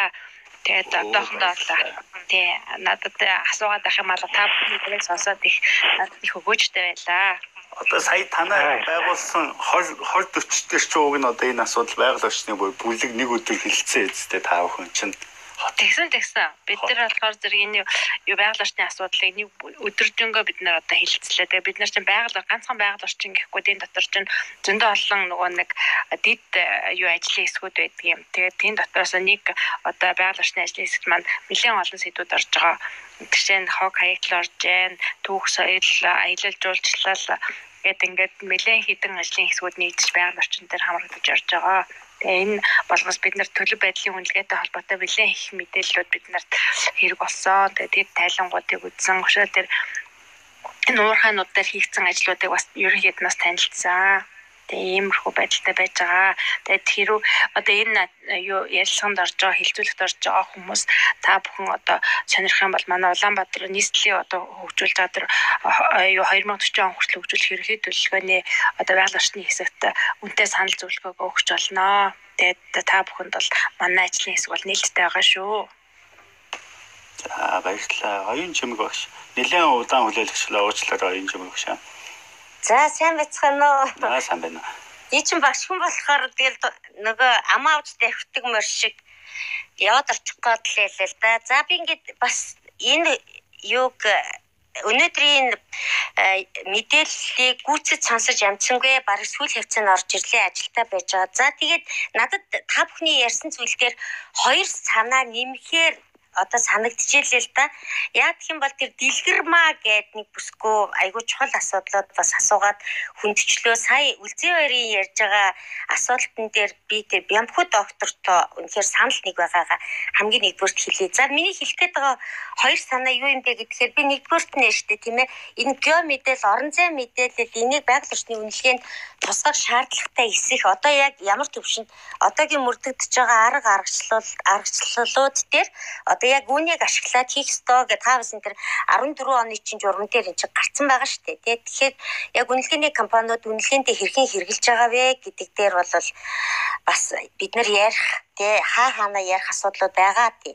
Тэгээ миний хэлэх гэж байгаа зүйл юу юм бэ гэхээр юм байна Энэ орон зай мэдээлэл энэ орон зай мэдээллийн тухай нэгдүгээрт нь юу хэлмээр байгаа вэ гэхээр энэ байгаль орчин гэдэг байгаль орчин гэдэг бол өөрөө маш олон нөөцүүдийн одоо нэгдэр штэ тийм ээ тэдгээрээ харилцан үйлчлэлийн үр дүнд бүрэлддэг. Тэгэхээр энэ олон одоо байгалийн нөөцүүдийн мэдээллүүд одоо уул уурхай яам одоо барилга хот байгуулалтын яамны газар зохион байгуулалт биодийн 600 хилтэс за тэгээ хөдөө аж ахуй яамны гээд маш олон газруудаас салдсан ийм мэдээллийн сангууд бол байгаа. Тэгээ мэдээллийн сангууд дотор нь ингээд ороод үзэхээр одоо энэ байгалийн нөөцүүдийн мэдээллүүдийг тэдгээр нь бүр орон зайн цаг хугацааны янз янзын төлөвлөлтөө янз янзын загварчлалууд гаргачихсан ийм мэдээллүүд ингээ байгаа даа. Тэгэхээр энэ мэдээллүүдийг байгаль орчны үнэлгээнд ашиглах боломж боломжуудыг л ингээд хараад идэм л та. Жишээлбэл энэ би энэ орон зай мэдээллийг одоо юунд ашигладаг хамгийн сайн ашигладаг салбарыг энэ газрынх нэг гэж ингээд бодоод идэг. Яагаад гэх юм бол газрынхан чинь одоо Монгол улсын нутаг дэвсгэр дээр газар зохион байгуулалт төлөвлөлт тентэр хийхдээ хот байгуулалтын төлөвлөлт тентэр хийхдээ а тохиромжтой байдлын үнэлгээ хэрэгцээт байдлын үнэлгээ гих мэтчлэн энэ үнэлгээнүүдээ одоо бидний одоо судлаад байдаг. Газрын гадаргуу геологийн тогтоц газрын гадаргуу. Тэгээд тэр доор нь байгаа тектоникийн хагарал те платформын ямар төвшөнд вэ тектоникийн төвчлийн ямар төвшөнд вэ гэд. Тэгээд тэрийгэ инженер геологийн нөхцлүүдтэй холбоод гидрогеологийн газрын доорх усны тэгэл тэр песометрийн төвшин энэ гээд тэгээд тэн дээр байж байгаа газрын гадаргуугийн өндөршил тэгээд ургамлын нөмрөг хөрс ургамлын нөмрөг энэ гээд ингээд эдгээрийг бүгдээрэнгүүдийн хооронд нь давцуулсныхаа үндсэн дээрээс одоо яаж тийм ээ ямар чиглэлээр хөгжүүлэхэд тохиромжтой байна. Гэтэл Монгол улсын одоо эдийн засгийн болоод тухайн бус нутгийн хөгжилд одоо юу нь хэрэгцээтэй байгаа юм бэ гэдэг энэ хоёрын хооронд нь оюутсан төлөвлөлтийн асуудлыг ингээд ярих ингээд маш олон миний одоо мэдчихээр 2013 оноос эхлээд миний мэдчихээр бол маш олон энэ орон зайн тэгээд өндрийн янз янзын загварчлалын ийм хөтөлбөрүүдийг олон улсын том том ийм төсөл хөтөлбөрүүдийг хэрэгжүүлсэн байдаг. Тэгэхээр манайх манай байгаль орчны мэдээллийн сан одоо байгаль орчинд байж байгаа энэ зүйл одоо тэрнээс би нэлээд хоцрогдсон одоо явдгийн болов гэж зүгээр хувьдаа бол бодож харж явдаг. За тэгэхээр манай байгаль орчны үнэлгээнийхэн энэ газрын газар зохион байгуулалт биодийн 600 газар дээр ингээд тэнд байдаг мэдээллийн сангаас бол эднэрийн талын мэдээллийг аваад ингээд хэрэглэх нь бол үнэлгээгээ илүү наривчлалтай болох сая бямбахөө докторийн хэлтгэр одоо тэр нөлөөл нөлөөллийн бүсийг зүгээр ингээд автоматар татах биш байхгүй юу. Тэр чинь тийм ээ хэдэн метр секундын салхитай ямар ирлээвтэй энэ тий зонхлоос чиглэл нь хаанаас идэв хэдэн метр секундын салхи ингээд зонхилтгийн ямар уйлдралд одоо тэн дээр уул уурхайн төсөл дээр овоолгоос салхи хийсэх одоо тоосны хэмжээ энэ төргээ бүгдээрээ тэр инженерийн лалгах дээр бид нар хараад хараад процентуудыг аваад тавиад боддог аргачлалууд байгаа дээ тий. Тэгэхээр тэднэрээр ингээд аваад тавиад бодоод ороод ирэхээр одоо нөлөөллийн бүсүүд бол тэр цэгэн хэлбэрээр нэ шугамн хэлбэрээр нэ ямар ариалаар яаж тархах вэ энэ төр гэсэн нөлөөллийн бүсүүд төсөл болгон дээр яг ижлэгэн технологийн дамжлагтай байсан ч гэсэн оршиж байгаа байрлалын нөхцлөөс хамаарат ялгаатай ялгаатай нөлөөллийн бүсүүд бол гардгаа тэгээ тийм тэгэхээр энийг энэ нөлөөллийн бүсүүдийг тогтооход энэ э, газрын тэр агентлаг дээр байж байгаа тэр мэдээллийн санг ашиглуул айгүй зүгээр юм болов уу гэж ингэж боддог шүү. Энэ дээр бас манай мэрэгчлийн хүмүүс олон байгаа учраас нэг ийм санааг нэмэх хэлчихье гэж ятсан. За хоёрдугаарт нь тэр мониторингийн цэгүүдийг тогтоох тухай асуудал бас ингээд яригдчихсэн. Тэн дээр би нэг санал хэлмээр юм л та. Энэ Эрдэнэтийн ГОК-ийн үнэлгээг одоо хэд хэдэн байгууллагууд хийсэн байдаг юм бэлээ. Тэгээд бид нэр өнгөрсөн жил биш 2 3 жилийн өмнө Эрдэнэт Гокийн байгаль орчны аудит хийхдээ тэр аудитын багт би орж ажиллахдаа яг тэр хаягдлын сангийн тэр орчин дээр нь ажиллах надад тийм хуурлал таарсан.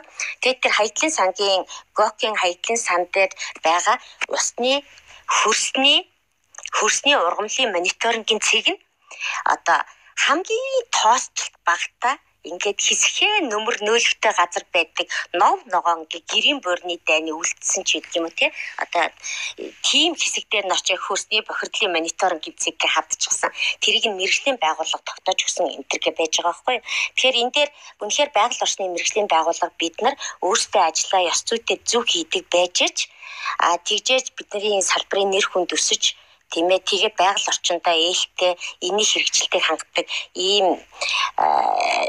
чиг үүргээ бид нэр биелүүлнэ гэж ойлгодог л да. Тэгэхээр энэ мониторингийн цэгийг тогтоохдоо төсөл хэрэгжүүлэгч нарт аягүй сайн ойлгож мэрэгжлийн байгууллаганд бид нэр аягүй сайн зөвлөх үйлчилгээ зөвлөх үйлчилгээ эрхэлдэг гэл манайхан маш их ярьдаг штэ тий тэгэхээр тэр чиглэлдээ тэр үндэслэлтэй яагаад ингэж байгаа гэсэн тэр юмнууд аягүй сайн гаргаж тогтоож өгдөг байгаасаа гэдгийг бас ингээ хэлмээр байна одоо тэр яг энийг тогтооход саяын одоо гео мэдээллийн мэдээллийг маш өндөр түвшинд ашиглаад тэр давцуулан зургалт юм уу экстраполяц интерполяц хийж тэрийг маш зөв гаргаж иржээж бид нар тэр төсөл хэрэгжүүлэгчдийн өмнө бид нар мэрэгжлийн байгууллагын хүн шүү гэд нүүр бардан дээгүүр харж халах ёстой гэж ингэж би бол хувьдаа боддог. Тэгэхээр энэ дээр ингээд бид нар хин хинтээ э, манай мэрэгжлийн байгууллагын маш сайн анхаарч ажиллах шаардлагатай байхаа гэж ингэж бодож байгаа. За тэр дэлгэрмаг гэдэг нэг бүсгөө ингээд яриадсан те тэрэн дээр тэр нөгөө лицензийн бүртгэлүүд байгаль орчны үнэлгээний мэдээллүүд ороогүй нэ гэд энэ дээр бас хэн тодруулаад манайхны нэг нь тодруулаа яриадсан.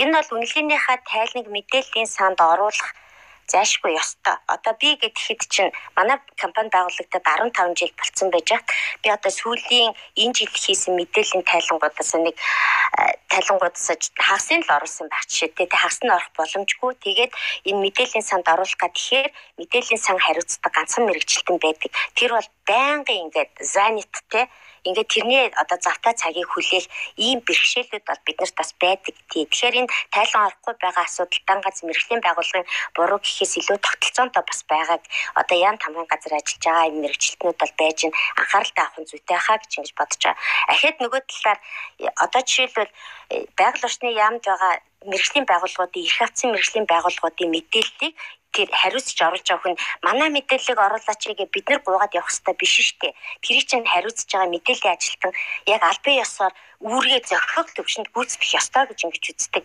Тэгээд энийг оруулах тал дээр ч гэсэн бас хаа хаана анхаарч ажиллах ёстой гэх. Тэгээд би бас энэ дээр яамныхан бас энэ тал дээр анхаарч ажилласаа гэж ингэж бодож байгаа. За энийг бас хэлхийг хүссэн юм а. Тэгээд хамгийн гол миний хэлэх гэсэн хоёр дахь бүлэг хэсэг асуудал бол мэдээллийн сангийн тухай асуудал. За хүнс хөдөө аж ахуй одоо одоо хөдөө аж ахуй яам гэд нэрлэж заншснаар хөдөө аж ахуй яам дээр газрын бэлчээрийн мониторингийн мэдээллийн сан байдаг тий.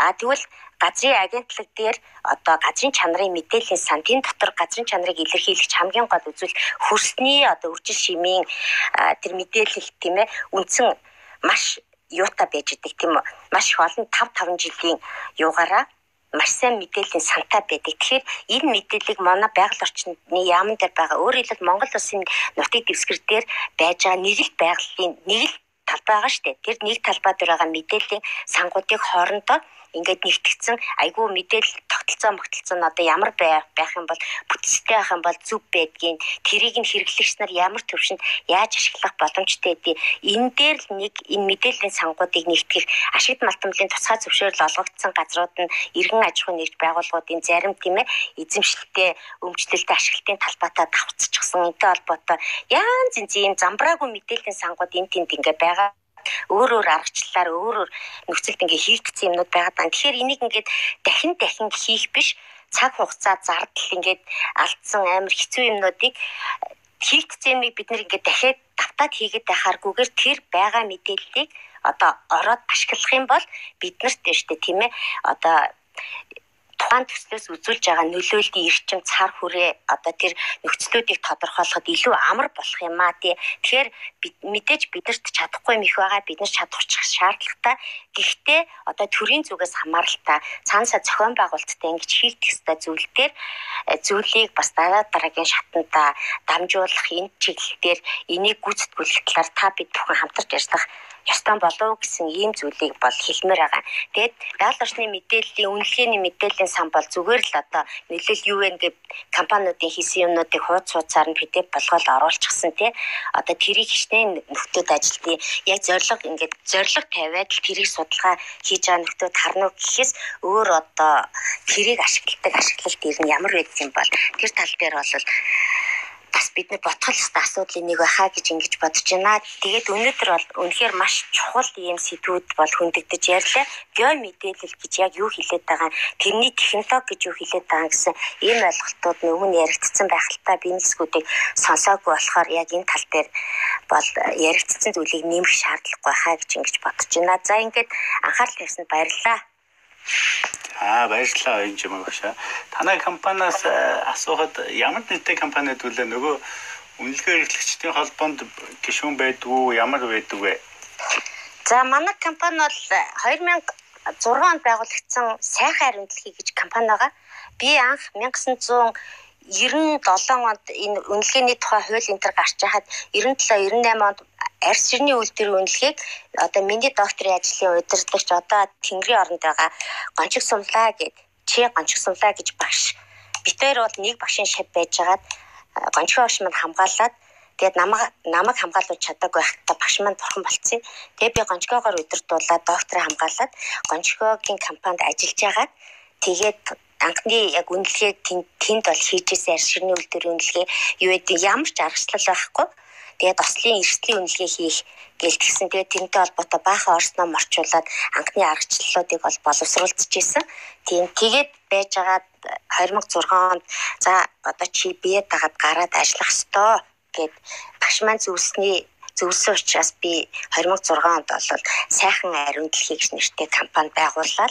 Тэгээд яг би өөрөө их сургууль багшилдаг болохоор үнэлгээнийхээ ажил руу төдийлөн нэг анхаардаггүй байсан. Тэгээ сүүлийн нэг 2 жил бол ер нь бол илүү өөрхөө төлөө илүү салбарынхаа төлөө ажиллах хэрэгтэй байна гэдэг энэ чиглэл рүү бол нэлийн гүцгий орж байгаа. Тий. Үнэлгээ эрхлэгчдийн холбооны гишүүн билүү үгүй лөө? Үнэлгээ эрхлэгчдийн холбооны одоо анхны гишүүдийн нэгэ. Тэгээ тэгээд нөгөө өөр анхаардаггүй байсан болохоор холбооныхаа ажил ерөнхийдөө бас бага оролцдог байсан. Тэгэд энэ дэдсгээд эрчимжүүлээгээд удирдах зөвлөлд орё гэж ороод хідэн залуучуудад өрсөлдөө унтсан шүү дээ. А тэр өрсөлдсөн залуучуудаас энэ сууж штэ. Тийм тэгээд хараа унтсан болохоор унтсан болохоор энэ бүгшин морь дахидгүй юм байна гэж бодоод байгаа л та. Гэхдээ бүгшин морьны толгоноос ажиллаж чадах юм аа одоо салбартаа үлдээ гэж зүтгээд байгаа шүү дээ. Зөв зөв. Тийм зэ эхний мэдээллийн орон зайн тэр мэдээллийн сангийн хувьд бол э, болдоо хариулах уу ямар санал байна? Хоёр хоёрын чимэг багшийн санал байна. Сануул нэмэлт коммент юм ба би нөгөө түрүү хэлсэн санаал байна л да. Тэгээд нөгөө ерөнхийдөө үнэхээр аж ахуйн нэгжүүдээр маш их одоо point буюу тэрний мэдээлэлүүд бол маш их цугларсан байгаа. Энийг яаж бусдад шийдлэх үү гэдэг л их нэг талаараа хүндрэлтэй юм шиг нэг талаараа бол зохион байгуулалт шийдлийг олчвол маш амархан юм шиг юм юм байгаа. Манай аж ахуйн нэгжийн хувьд юм бол одоо сүүлийн 6 7 жилийн бүх одоо гэрийн судалгааны дата мэдээллүүд байгаад байдаг одоо хайх хэцүү байх хэцүү тэгэл компьютер дээр архивлах нь архивлаад ингээл тав хэлбэрээр архивлах нь архивлаад ингээл байж байгаа. Тэгээд яг оюун чимэг шилдэг одоо энэ олон янзын датабаз үүсгэн байдаг. Энэ болгоныг мэдээж үнэхээр аж ахуйн нэгжүүд тодорхой хэмжээнд өөр өөртөө хэмжээнд ашиглаад явж л байгаа байх гэж бодож байна. А миний тухайд гэх юм бол ерөөхдөө цагуурын мэдээллийн сангууд тэгээд газар зохион байгуулалтын газрын мэдээллийн сангуудыг ерөнхийдөө төлхөө ашигладаг. Яг гэвэл арай нөгөө одоо үн зөвийн хувьд арай илүү нөгөө итгэл үнэмшлийн хувьд арай илүү үнэн зөв байх гэдэг нөгөө итгэл үнэмшлэр өөр ашиглалтын газар мөн энэ орон зай мэдээллийн систем бол сүүлийн үед бол мэдээллийн сангууд нь бол маш сайн хөгжиж байгаа гэж хараад байгаа. Яг энтэй адилхан зэрэгцүүлээд байгалийн мэдээллийн самбар энэ хэмжээнд бас хөгжихэд бол болохгүй юмгүй байл гэж одоо хараад байгаа шүү дээ. Тэгээд яг зохион байгуулалтын хувьд нэг жоохон тиймэрхүү байна уу даа гэж хараад байгаа яг хаа. Яг миний үеийн одоо залуу судлаач гэдэг юм одоо хийж байгаа залуучууд гэх юм бол энэ тал дээр бол бусдаагаа мэдээлэл шеэрлэхэд одоо ерөөхдөө татгалзахгүй байх гэж бодож байгаа шүү дээ. Тийм болдоогийн хэлж байгаа да санал 100% нээлж ин цэгэн мэдээлэлээс гадна одоо тэгэл хөрсний зураг, ургамлын зураг гэл ингээд миний зүгээр анзаарч байгаагаар одоо шинэ 5 толгоо ордын хэсэгтүүл тэгэл нэг байшин барих гад үнэлгээ ихтэл төлөв байдлын үнэлгээ хийгээд өнөөдөр нэг үнэлгээний компани очоод хөрсний судлаад дургамлын судлаад нэг мап хийчихэж байгаа. Маргааш нь дахиад хажуу талын байшин барих гэж дахиад нэг үнэлгээний компани очоод дахиад хөрс судлаад ургамал судлаад ингээд хасар их давхарцсан ийм нөгөө нэг хөрсний зураг ургамлын зургууд бол энэ үнэлгээний компаниуд бүр маш их болчиход байгаа байхгүй. Тэгээ эднийг ингээд авахцуулаад ажил нь хүртэл ингээд давхартаад байгаад идэг. Энийг яг гео мэдээллийнхээ хувьд л энийг нөгөө нэгдмэл болгож тогтцоолол аль аль талдаа бараг ажиллаа хэмнэх, зардлаа хэмнэх хүртэл боломжууд байгаа л юм л да. Тийм би нэг юм нэмч ер нь бол яг тэр мэдээллийн нэгдсэн сан үүсгэн гэдэг нь бол зөв л дөө. Ер нь манайд байж л тэр наривчлаа том сайн муу. А гэхдээ бид нар бас нэг юм анхаарах хэрэгтэй л дээ энд. Хэлэх юм бол энэ үнэлгээ бид нар ч бас нэг эрх хідэлж байгаа тийм ээ хуулийн хүрээнд үнэлгээ хийж байгаа байгууллагууд. За ажил хийснээрээ одоо ингэж гэдэг гэрээгээр ажил хийснээрээ ингээд ямар ч байсан нэг идэх талхныгаа мөнгө олж байгаа. А гэхдээ нөгөө талд бид нар үүрэгтэй байхгүй юу? Үүрэг нь юу гэсэн үг вэ гэхлээр энэ үнэлгээг бид нар одоо зөв гэж байдаг бол одоо 100% гэж байдаг бол тэнд л хийх ёстой гэсэн үг. Тэгэхээр хитрхи бид нар бас туушиж болохгүй л дээ. Яагаад гэвэл одоо ийм юм яригдах гэдэг шүү дээ. Аа ойролцоо хоёр төслийн хөрсний мэдээ, ургамлын мэдээг шууд ашиглаад хоёр тэр төсөл дээр ингээ хийчихэ гэдэг санаа аваад шүү дээ. А гэтэл нөгөө нэг үүрэг хүлээх талаа бид нар марчаад байгаа хгүй яг энэ тохиолдолд. Хэлэх юм бол энэ анхдагч мэдээлэл гэдэг бол тэр тухайн компани өөрөө бүрдүүлэх ёстой. Хэлэх юм бол яг тухайн газар мэдхгүй одоо нэг компани тэр таван толгой нэгдлийн байшин байх цаа төслийг хийж ий гэж бодъё. Яг нөгөө нөгөө нэг 500 метрийн цаана мэдхгүй манай компани нэг э, тэр ус цэвэрлэх байгууламжийн үнэлгээ хийж ийн гэж бодъё л доо. За бид нар ингээд нэг мэдээллийг шеэрлээд хийгээд явуулаа цаашид асуудал үүсвэл анхдагч мэдээлэл чинь тухайн хоёр байгууллага дээр жоохон асуудалтай болж орж байгааз үүрэг хариуцлага ярих тохиолдолд. Тэгэхээр бид нар юу гэсэн энэ энэ хууль, энэ журам аргачлал чинь эрхийн олохын зэрэгцээ үүргийн давхар хариуцлага хариуцлага хариуцлагажуулж байгаа байхгүй юу? Тэгээ энийг би зөв товчхон хэлэхэд тэр мэдээллийн сан бол байх ёстой. Үнэн Энэ бол э, одоо дэлхийн бус тонууд бүгд байж идэг дижитал хэлбэрээр байж идэг. Аа наривчлсан судалгааг бол мөн адилхан та нар гадны үнэлгээг дагаад хийхэд яг л адилхан шүү дээ. Яг л адилхан бид нар хөрсний дээж аваад тухайн үед хөрсний дээж аваад бүх юмаа хийдэг. Яг адилхан гадны санхүүжилтээр хоёр жилхэн уурхай хоорондоо 100 м зайтай байсан ч гэсэн тэр үнэлгээг хийж байгаа гадны экспертүүд яг л дээжүүд аваад хийдэг эн чинь өөрөө юу хэлээд байна вэ гэхлээр ирээдүйд гарч болох аливаа маргааныг шийдэхэд анхдагч мэдээлүүд хоримтлагддаг байхгүй юу.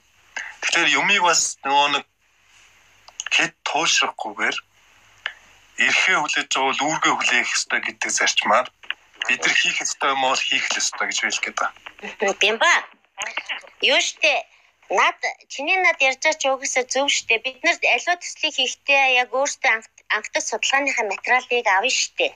Тэгээд аваад хийгээд харьцуулахдаа тэр шүүн хилцхүү бидний одоо судалгааны мэдээл одоо бусад ижил төсөөтэй ландшафттайгаа яг тухайн бүс нутагт хийгдсэн судалгаатай судалгааны дүнгуудтай харьцуулаад одоо стандарт ерөөч байд юм уу те янз янзын тийм юунуудаа бодож арай жоохон шинжилгээ ухааны үндсэлтэй болгоход тэр мэдээллийн санд байгаа бусад мэдээллүүдээс авч ашиглах нь бас ач холбогдолтой гэдэг утгаар. Тэгээд янз янзын одоо мэдээллийн сан янз янзын их нутгийг одоо нэгтгээ журамлаад яг тухайн бүс нутгийн төвшөнд байд юм уу? Эсвэл яг нэг чиглэлийн төвшөнд байд юм уу? Ийм нэгтгсэн мэдээллийн санг хэрэглэгчтэй холбосон ийм тогтолцоог бий болох ёстой гэсэн санаа хэлсэн баггүй да.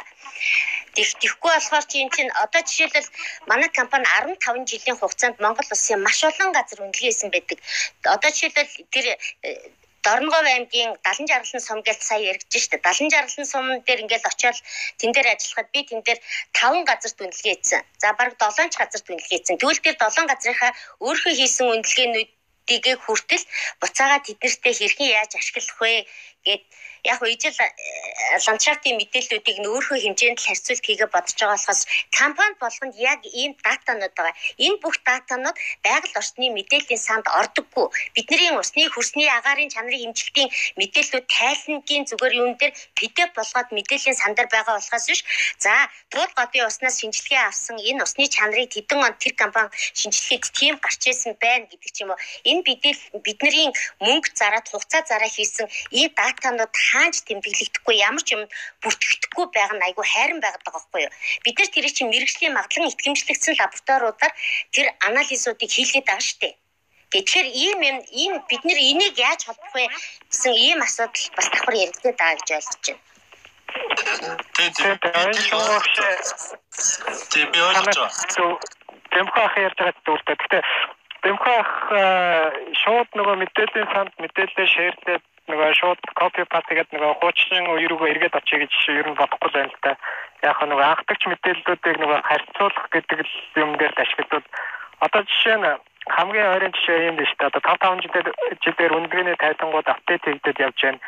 Тэгэхэд одоо өмнөх одоо 5 жилийн өмнө хийсэн аж ахуйн нэгжин одоо хөрсний үр дүнгуудыг тайланд нь хавсгацсан байдаг. Яг аль зэгээс авцсан тухайн хөрсний дэжиг тэр мэдээлүүд нь ер нь ихэнх тайлангууд дээр байхгүй. Тэгэхээр тухайн яг поинтоор ч юм уу яг мэдээллийн сандаа оруулчихад аа энэ компани 5 жилийн өмнө эндээс авсан юм байна. Би одоо эндээс наваад ингээ харьцуулчих гэдэг байдлаар ингээ явбал бас зүгээр юм уу. Мөн дээрээс нь сонирхож байгаа одоо эрдэмтэн судлаач юу гэдэг тухайн бүс нутаг судалгааны ажил хийж байгаа хүмүүс шеэрлүүд бас шал дэмий одоо компани дээр ямар нэгэн байдлаар архив байдлаар хадгалж ирснээр одоо хэрэгтэй хүмүүс нь шеэрлээд аваад судалгаанд ашиглаа гэж байна. Зүгээр юм уу гэдэг байдлаар тиймэрхүү санаа гаргах гэж байна. Тэр нэг тийм тийм. Зөв би надад байгаа. Өөрөлдөх юм бол ойлгож байгаа. Тэр мэдээллийн сан үүсгэхийг би юус үгүйсгээгүй шүү дээ. А гагцгүй нөгөө нэг бид нар бас нөгөө нэг хэд ингээд тууширч болохгүй байхгүй юм дээр. Тэгэхээр нөгөө нэг хідүүлээ нөгөө нэг энэ хууль эрх зүйн хүрээнд яаж ажиллаж байгаа гэдэг уг нь ухамсарлцсан бол ухамсарлаа явж байгаа хүмүүсийн хувьд бол хийх ёстой юм хийгээл а тэр мэдээллийн сан үүсгээр үүсээд тэр цаашдын судалгаа шинжилгээ нэрлээ харьцуулдаг юм би бол тэрийг үгүйсгээгүй шүү. Туйлшраад байгаа юм ерөөсөө байхгүй шүү дээ. Ажлын давхардлаа арилгуул яасан бил гэдэг байгаа шүү дээ. Харин ажлын давхардл гэдэг чинь харин болохгүй гэж би хэлээд байгаа байхгүй юу? Наа чи төр хүлээж байгаарэ. Ерөнхийдөө 7:30-аас хойш өрөө маань ажиллаж байгаа. Наран гэрлээ спикерээр байж байгаа. Тэгээд түрүүн удаан хүлээж байгаа энэ э, э, баяр сайхан их чиг микрофоныг шилжүүлчихэд ерөнхийдөө манай хоёр э, зочин спикер маань 10 цаг хүртэл ажиллуулчих болохоор байна уу? Яаж ийм хөө гэж асуух атах эхлээд. Би ба болдоо. Би 2 цаг ярина л гэдэг нийтийг тэгэхээр одоо болж гин үү гэдэг үйлчлээд явж байна. Тэгээ баяр сайхан ихчд микрофоныг шилжүүлье. Тэгээд наран гэрэл үзээ саналаа бас хэлээд яваарай гэж хүсэж байна. За баярлалаа. Бүгд нь орой минь төргий. За За би төрийн бас байгууллагад ажилладаг хүн байгаа. Тэгээд энэ та бүхний ажлын бүтээгдэхүүн буюу энэ байгаль орчин нөлөөлөх байдлын үнэлгээг бол маш их хэрэгэлдэг. За харьцуулсан шинжилгээ үнэлгээ бас хийдэг ийм хүн байгаамаа. За тэгэхээр зэрэг энэ танай байшинд ямар ч гэсэн нэгдлээ би цаашид бол харах хэмжээнүүдээр бас юмд оролцож явъя гэж ингэж бодож байна. Их баярлалаа та бүхэн арга хэмжээнд. Тэгээд асуулт байна. А манай байгууллагын хамтын оролцоотой байгаль орчны мониторинг гэдэг имийг бий болгож байгаа юм. Туршиж үзэж байна. Эхэлж нодингоос эхлээд За энэ дээр бол зайлшгүй мэрэгжлийн хүмүүсийн тусалцаа дэмжлэг хэрэгтэй болж байгаа юм л да. Тэгэхээр зэрэг хаана одоо яг энэ чиглэлийн мэдээлэл хаана байна вэ гэж хайгаад үзэхээр зэрэг мэдээлэл яг иргэн хүн иргэний нийгэм байгууллагад авч ашиглая гэхээр мэдээлэл нь их хэрэгцээнд бас арай нийцгүй байгаад байт юм байна л да. Та нар бол хуулийнхаа дагуу ил болох гэсэн мэдээллийг болгоод явж байгаа. Яг үндэ бол байгаль орчны яам дээр байгаа ажлынхаа ачааллаас болоод хүнийхээ нөөцөөс болоод ил болох систем бүрэн гүйцэд ил болохгүй хэрэг нээлттэй мэдээллийн стандарт хангасан байдлаар ил болохгүй байгаа. За үнэлгээ хийсэн компани үнэлгээгээ бүрэн ихээр нь ил тод болохгүй байгаа гэдэг ингээд янз янзын юмнууд байгаад байгаа. Тэр тэгэхээр өнөөдөр бол та бүхэн маш олон талаас нь асуудлаа ярьж байна л да. Үнэлгээний чанар ярьж байна, хүний нөөц ярьж байна, тогтолцоо ярьж байна, янз бүрийн талаасаа л ярьж байна. Тэгэхээр зэрэг сэдвээ хараад би яг энэ гео мэдээллийн буюу орон зай мэдээллийг яаж ашиглаж байгаа юм бэ? цаашид ямар бодлого барьж байгаа юм бэ гэдэг талаас илүү сонирхыг гэсэн тэр талаар бага яригдлаа харин тэр оюун чимэг гэж хүний Э, ярианаас би ер нь хариултаа авчихлаа гэж бодоод хэдэн асуулт асуугаатыг гэж За тэр мониторингийн цэгийг бол байгаль орчны яамнаас э, байгаль орчны мониторингийн цэгүүдийг бол байж яадаг.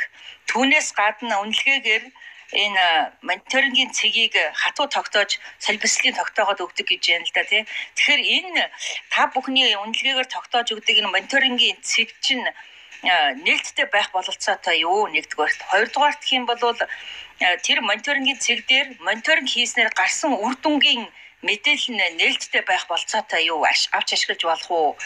За яг энийг эргэцэн үүднээс нь авах юм бол байгаль орчны холбогдлолтой мэдээлэл бол нээлттэй байх ёстой. Эрүүл аюулгүй орчинд амьдрах хэрэгтэйгээ холбоотой мэдээллийг авах хэрэгтэй. Энтэйгээд эргэцэн талаасаа үзэх юм бол ямар ч хэлсэн нууцлах боломж бол байхгүй байгуулгын нууцын тухай хуулиарч тэр нууцлах боломжгүй байгаад байгаа. Тэгэхээр энийг авах боломж байна уу? Энийг нэгдсэн болоод дата сан болоод төвлөрсөн цэг болоод байхгүй юм байна гэж харлаа. Тэгэхээр тухайн сонирхсан төслийнхөө энэ мониторингийн цэг түүний мэдээллийг бол авах боломж байна уу гэж асуумаар сандлаа. Ялангуяа тэр 70 жаргалангийн элдв баг дээр байгаа цэгүүдийн мэдээллийг бол авах сонирхолтой байна л да. За хоёрдугаарт нөх юм бол сая бас сүлд үлцэн баяр хөндөж ярьлаа. Энэ зэрэгцээ төслүүдийн хоёр зэрэгцээ төсөл байна. Хоёр болон хүнээс дээш бүр 10 төсөлч нэг дур байгаа тохиолдол бол маш олон байдаг. Тэгэхээр зэрэг яг энэ тухайн төслийн байгаль орчин нийгэмд үзүүлэх нөлөөллийг нөгөө төслүүдийн одоо үзүүлж байгаа нөлөөлөл хоригдлогдаад зэрэгцээд ирэхээрээ зэрэг дуу чимээ тоосжилт за энэ бүхнэд нийлэхээр ямар нөлөөлөл үзүүлэх вэ гэдэг ийм харьцуулан жишиж одоо үнэлж гаргах хандлагыг гаргах ийм одоо аргачлал бол одоохондоо та бүхэнд бол үүрэг болгоогүй байдаг. Тэгэхээр энэ компаниуд яг энэ чиглэлээр бизнес хийж энэ чиглэлээр мэрэгжлийн хүмүүс ажиллаж байгаагийн хувьд бол цаашид энэ талаар баримтлах бодлого гэж байд юм уу? Тийм аргачлал гаргах уу гойрдоо гэсэн ийм байна. Тэгээ хоёроос дээш бол хоригдлог дах нөлөөллийн үнэлгээ хийн гэждэг. Хоригдлог дах нөлөөллийн үнэлгээ бүс нутгийн хэмжээгээр хийнэ гэж байгаагаас биш тодорхой нэг баг сумын хэмжээнд бол бүс нутгийн гэж үзэхгүй учраас хоригдлог дах нөлөөллийн үнэлгээ хийх эрхцэн орчин байхгүй болоод байна л да. Тийм учраас энэ нэг төр хоёроос дээш төслүүд хэрэгжиж байгаа тохиолдолд бол энэ яаж нөгөө төслийн нөлөөллийн үнэлгээ нөлөөлөлтөй яаж зэрэгцүүлж нийлүүлж одоо үнэлэх юм бэ гэдэг юмыг л их сонирхоод ингээд хараад идэв. Энд дээр ямар байр суурь байна вэ гэж асуумаар байна. За 3 дугаарт нь юм бол энэ уур амьсгалын өөрчлөлт, биологийн төрөл зүйл За тэгээ нөгөө тогтвортой хөгжлийн зорилтын ядуурлыг бууруулах их хэмжлэнгийн ийм одоо асууд зорилтуудын өмнө одоо энэ энэ чиглэлээр тулгарч байгаа асуудлуудын өмнө та бүхний оролцоо бол маш чухал байж идэг. Гэтэл яг энэ нарийнчилсан үнэлгээ хийхдээ энэ уур амьсгалын өөрчлөлт үзүүлж байгаа нөлөөллийг бууруулах тэгээд тэр нөлөөлд одоо нутгийн иргэд нь яа дасан зохицох юм бэ? гэдэг яа даван туулах юм бэ ч гэдэг юм уу те төсөл өөрөө ямар хүчин чармайлт гаргах юм бэ гэдэг ийм чиглэлийн юмуудыг бол авч үзэхгүй байх шиг санагдаад байдаг юм а. Тэгээ энэ чиглэлээр бол цаашид авч хэрэгжүүлэх үү энэ иймэрхүү байдлаар үнэлгээнийхээ хүрээ одоо чанарыг бол илүү сайжруулах талаар та бүхэн илүү анхаарасай л гэж би ингэж боддtiin. Энэ чиглэлээр төлөвлөж байгаа юм байна уу гэж ингэж л асуумаар байна. Холбооны хувьд ч гэсэн энэ дээр бол анхаарах хэрэгтэй байх. Сайн дурын гишүүнчлэлтэй байх л да. Гэхдээ бол холбоо гэдэг бол үнэлгээ хэрэглэгчдийн бүхний бүгдийнх нь нэр төр одоо одоо энэ ажиллагатай холбоотой учраас бол бас анхаарах хэрэгтэй байхаа гэж ингэж бодож байгаа юм. Тэгэхээр та бүхэн яг миний асуусан асуултад хариулт өгөөч ээ гэж. Сүүлд нэг юм хэлэхэд энэ байгаль орчны менежментийн төлөвлөгөөг цаасаар өгдөг учраас байгаль орчны яам дээр бол ил болохгүй байгаа шүү. Одоо л нүүбийн төслөөр нэг мэрэгжилтэн авсан гэсэн тэр хүн л одоо ингэж оруулж явж байгаа байх. Бусдаар бол байгаль орчны яам дээр бол энийг нээлттэй болгоод юм бол байхгүй байгаад байгаа шүү гэж хэлмээр байна. Баярлалаа. За. За, сайн мэн уусаа гэж. За би хариултыг болдоос нэмээрээ манай босгоноос нэмээрээ тийм. За нэгдүгээр нь мониторингийн цэгүүдийг хаанаас авч үзэх вэ гэж байна. За энийг та хоёр их сурвалжаас авч үзэх бүрэн боломжтой. За нэгдүгээрт нь бол нөгөө нэг байгаль орчны мэдээллийн санд байгаль орчны ямар батлагдсан нөгөө нэг үнэлгээний тайлан тэгээд менежментийн төлөвлөгөөнүүд байж байгаа шүү дээ тийм ээ. За эдвэсийг бол тэр мэдээллийн санд бол оруулж байгаа. За тэр ямар нэгэн шалтгааны улмаас тухайн компани оруулж амжаагүй байгаа бол та байгаль орчны яам дээр тэмдэгтэргүй энэ өөрөө очсон байж байгаа. Архивт нь байж байгаа. Нөгөө талд аймгийн байгаль орчны газар очсон байж байгаа. Тэгэхээр ерөөсөө тэр тухайн нутаг дэвсгэрдээ хэрэгжиж байгаа тухайн сонирхсан төслийнхөө хэрвээ наривцсан үнэлгээ нь хийгдээд менежментийн төлөвлөгөөнд батлагдсан бол та эдгээр их сурвалж их усруудаас бол олоод харах бүрэн боломжтой гэж хэлэх гээд байгаа. За хоёрт нь хоримтлох нөлөөллийн үнэлгээний асуудал яригдж байна л да. За хоримтлох нөлөөллийн үнэлгээн дээр бол яг хуулинд бүс нутаг гэж заасан байдаг боловч хоримтлох нөлөөллийн одоо судалгаа явагдах талбайг бол хоримтлох нөлөөллийн үнэлгээ хийж байгаа хийх үед бол энэ тодорхойлогддог. А тэгтээ хоримтлох нөлөөллийн үнэлгээг бол хийлгэх хэрэгцээ орчин бол бүрдсэн. Өөрөөр хэлэх юм бол хэрвээ үнэхээр тухайн нутаг дэвсгэрт 2 ба түүнээс дээш үйл ажиллагаа явуулж байгаа тохиолдолд одоо ингээ ямар нэгэн асуудал гарлаа гэж үзвэл одоо орон нутгийн эргээд аймгийн одоо байгаль орчны газар байгаль орчны яамд одоо энэ байдлаа уламжлаад байгаль орчны яам нь бол энэ хоримтлох нөлөөллийн үнэлгээ хийх ажлыг зохион байгуулах үүрэг нь бол хуулиар олгогдсон байт юм аа. За яг үүнтэй холбоотойгоор нэг төсөл дээр бид нар үнэлгээ хийж байгаа. Наривцсан үнэлгээг.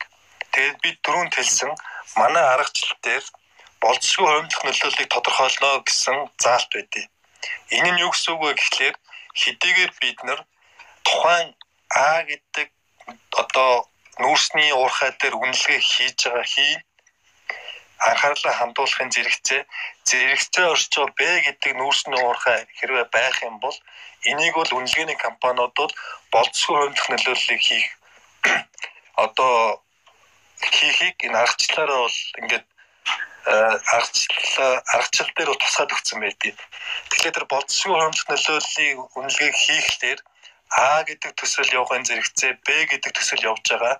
Энэ хоёрын дундаас ямархуу нөлөөллийг тухайн нутаг дэвсгэрийн нийгэм байгаль орчинд үзүүлэх нөлөөллийг одоо ийм наривчилсан биш тэгтээ болцсохгүй одоо нөгөө матрицын аргаас ч юм уу тийм ээ энгийнээр үнэлгээг бол энэ аргачлалаар бол заагаад өгсөн байт юм аа. Тэгэхээр энэ бол үнэлгээ хийж байгаа компаниас хамааралтай асуудал болж байна. Энэ бол эргэцэн орчин байгаа. За 3 дугаарт нь уур амьсгалын өөрчлөлтийн асуудал. За энэ бол ер нь бол э, яг э, наривцсан үнэлгээнд дээр бол уг нь бол аргачлалтай бас заалтууд байд юм аа. Тэгвэл бас наривцсан үнэлгээнд дээр төдийлөн энэ юу гэдэм дэ бусад нөгөө нэг нөлөөлөлтөй харьцуулах юм бол харьцангуй одоо баг тусгагдж байгаа ийм хэсэг мөн өө. А тэгтээ бас энэ бол компаниасаа л хамааралтай. Заримдаа зарим компаниуд бол ер нь төслөөс гарах хүлэмжийн химийг бодцсон байдаг дээ.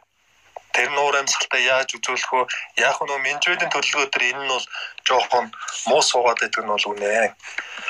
За тэр менежментийн төлөвлөгөөг цаасаар өгдөг. За энэ бол одоо үнэлгээ үнэлгээ хийж байгаа компаниудын одоо эрх үүргийн аль нь ч байхгүй.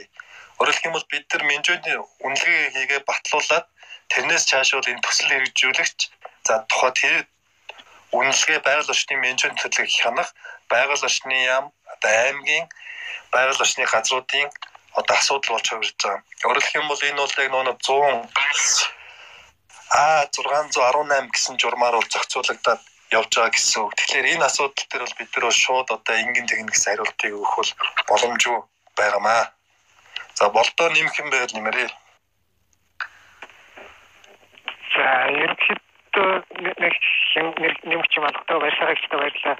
Тэгээд яг хоо үнэлгээ эрхэлж байгаа аж ахуй нэгжүүдийн тухай гэх юм бол мэдээллийг хаалттай байлгах бол ямар ч сонирхол байхгүй аль болох нээлттэй олон нийтэд хүртээмжтэй байгаасаа гэдэг үднээс ерөнхийдөө хандаж төслөржүүлэгчд ч гэсэн тийм зөвлөмжүүдийг өгөө явж байгаа болов гэж бодож байна. Миний хувьд гэх юм бол аль болох тийм байдлаар хандаж явж байгаа. Аль болох орон нутгийн иргэд сонирхогч талуудад аль болох мэдээллийг нээлттэйгээр ил тодор өгч явж байгаарай. Одоо жилдээ хоёр удаа ч юм уу ямар ч нэг сонирхсан хүмүүст нэг тайлангаа тавьж байгаарай ч гэх юм уу. Тиймэрхүү байдлаар явж байгаа. Яг хоо тэр мониторингийн хатуу цэгүүдийг та сонирхоод байх шиг байна. Тэр яг хоо миний л бодол шүү. Ерөнхийдөө үнэхээр эхэлж байгаа аж ахуй нэгжүүд янз бүрийн тайлан гаргаж байгаа л да. Тэрэн дотор яг хатуу мониторингийн цэг дааж өгж байгаа аж ахуй нэгжүүд байгаа. Зүгээр одоо овоолгоос нэг 100 метрийн зайтай ч юм уу нэг тиймэрхүү байдлаар нэг баримжаа байдлаар ч дагаад өгсөн газрууд байгаа л бах. Тэгээд тэр болгоныг одоо та тэр мэдээлэл сангаас л орж харах бах та. Тэгээд яг хатуу цэг заасан А за баярлалаа. Хариултаа авлаа. Ер нь бол үнэлгээ хийж байгаа компани үзэмж за төрийн ажил үүрэг хариуцсан хүмүүсийн үзэмжийн асуудал бол болоод байна шүү дээ. Ер нь бол тогтсон заавал гэдэг юм бол ерөөсөй байхгүй юм байна гэж ойлголоо.